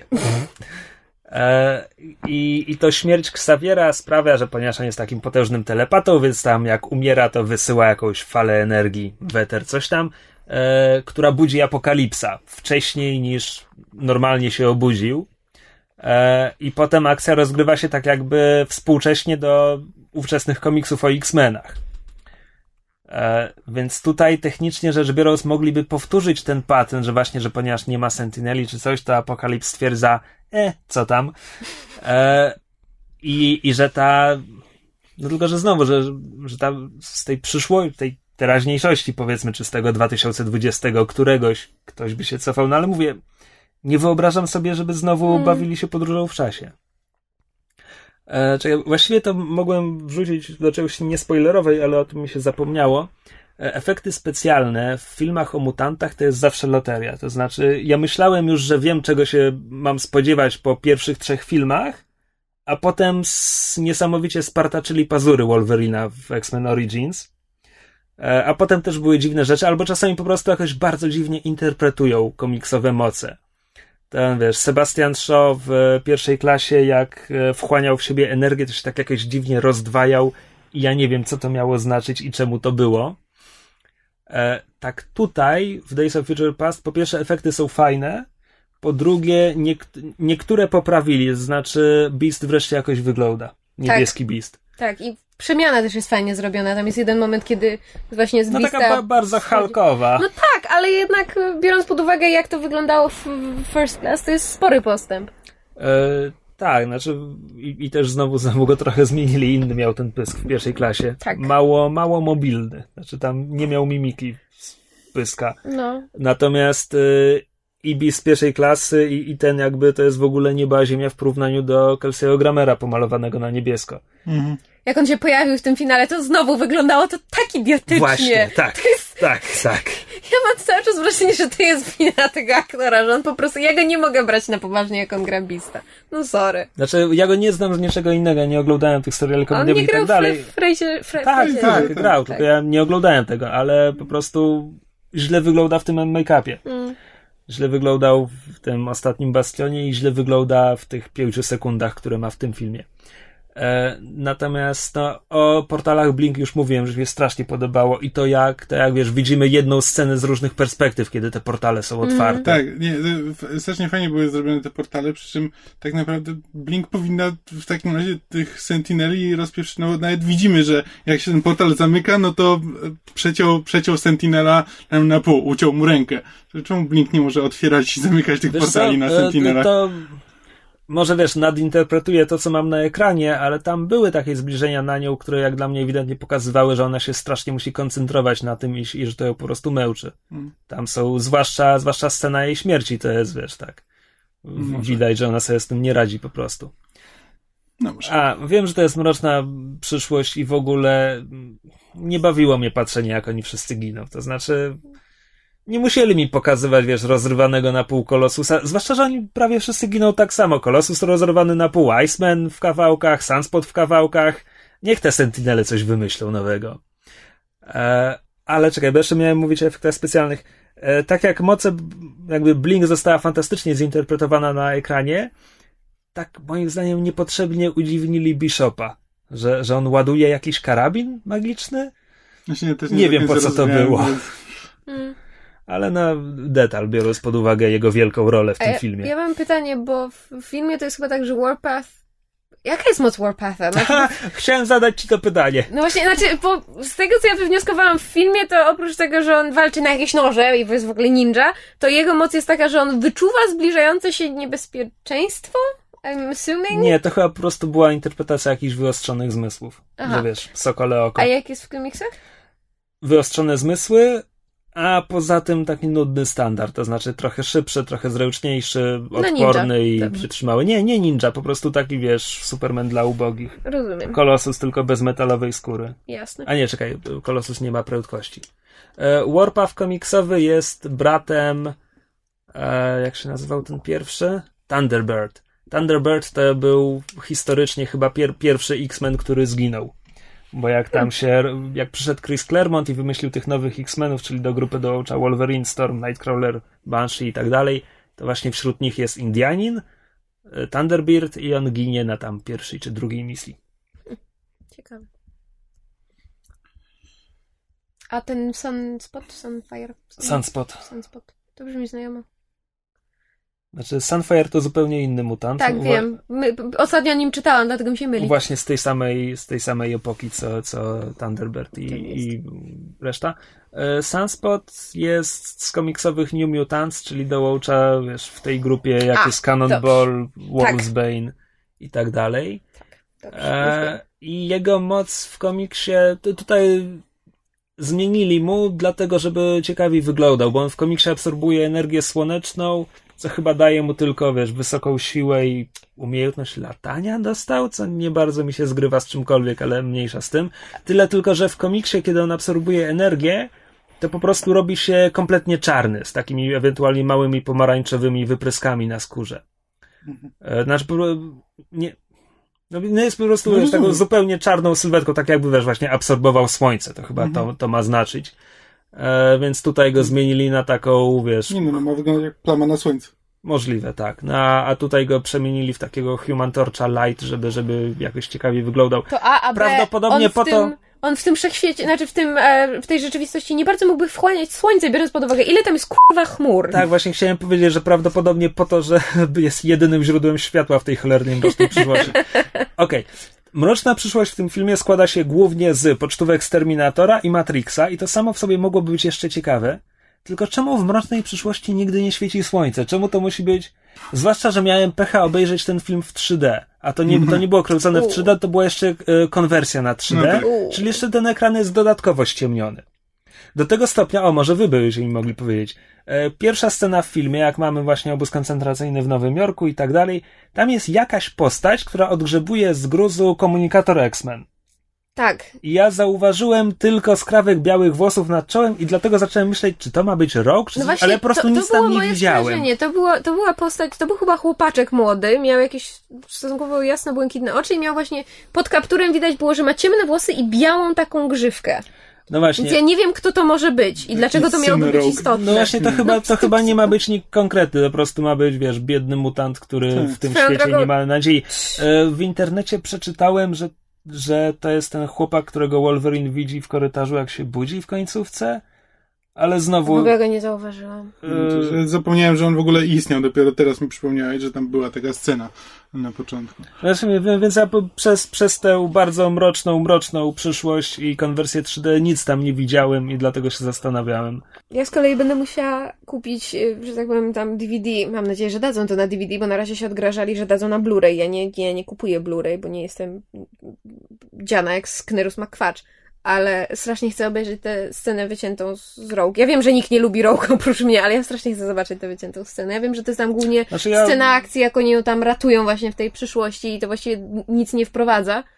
Bo to miało być tak, że to była scena, w której em, m, stary Magneto i stary Xavier idą na własną taką nie, niemalże road tripową misję, żeby uratować Rogue skądś tam.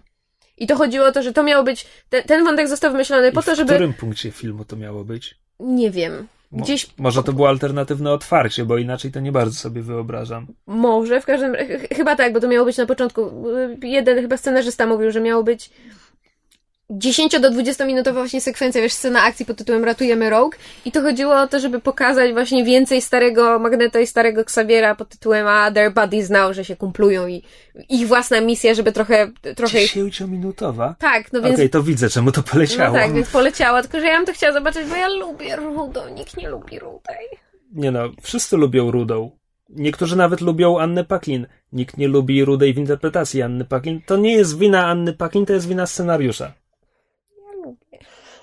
Proszę bardzo, nikt, nikt ci tego nie broni, tylko że e, filmowa Rogue nie ma nic wspólnego z komiksową. Ja Na wiem. zasadzie, że nawet, nawet zinterpretowana jeszcze bardziej emo e, w kreskówce Evolution A tam jest bu, była dużo bliższa komiksowej, wiesz, Znaczy- miała, miała zadziorność, miała charakter. Bo to była pierwsza rok, która mi się spodobała i potem właśnie z X-Men Evolution i potem jak zobaczyłam film, to jakoś chyba przyniosłam te uczucie z, z, z rudej z Evolution na rudą Anę Paquin i jakoś tak mi zostało. I ja ją lubię w tej roli, ja lubię tę rudą. Ja wiem, że ona jest beznadziejna, ale ja mimo to strasznie lubię. Smuteczek. No. Dobra, to skoro już rozmawiamy o takich rzeczach, to chyba wyczerpaliśmy temat. Wygląda na to, że tak. No pójdziemy drugi raz, zobaczymy, czy coś nam się jeszcze przypomni, czy nie. Ja w każdym razie po, po, po drugim seansie będę pisała jeszcze jakieś swoje tam przemyślenia pewnie na blogu.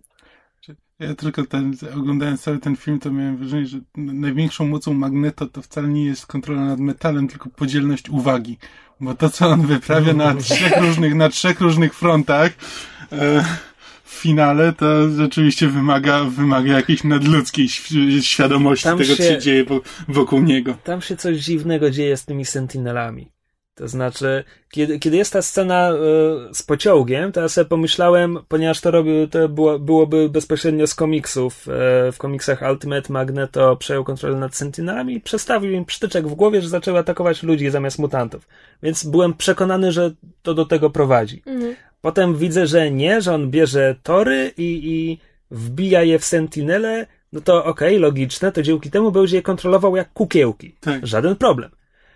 Tylko, że w finale one nie są kukiełkami, one po prostu działają, tylko że są posłuszne jego rozkazom. I tu tak. już nie, zna, nie znajduję Właśnie uzasadnienia jak dla on, tego. Jak on powiedział, że tam znajdźcie ich, czy coś takiego, rzuca do tego Sentinela, no właśnie ja się tutaj pogubiłem właśnie, bo też zakładałem do tej pory, że on po prostu nimi steruje cały czas.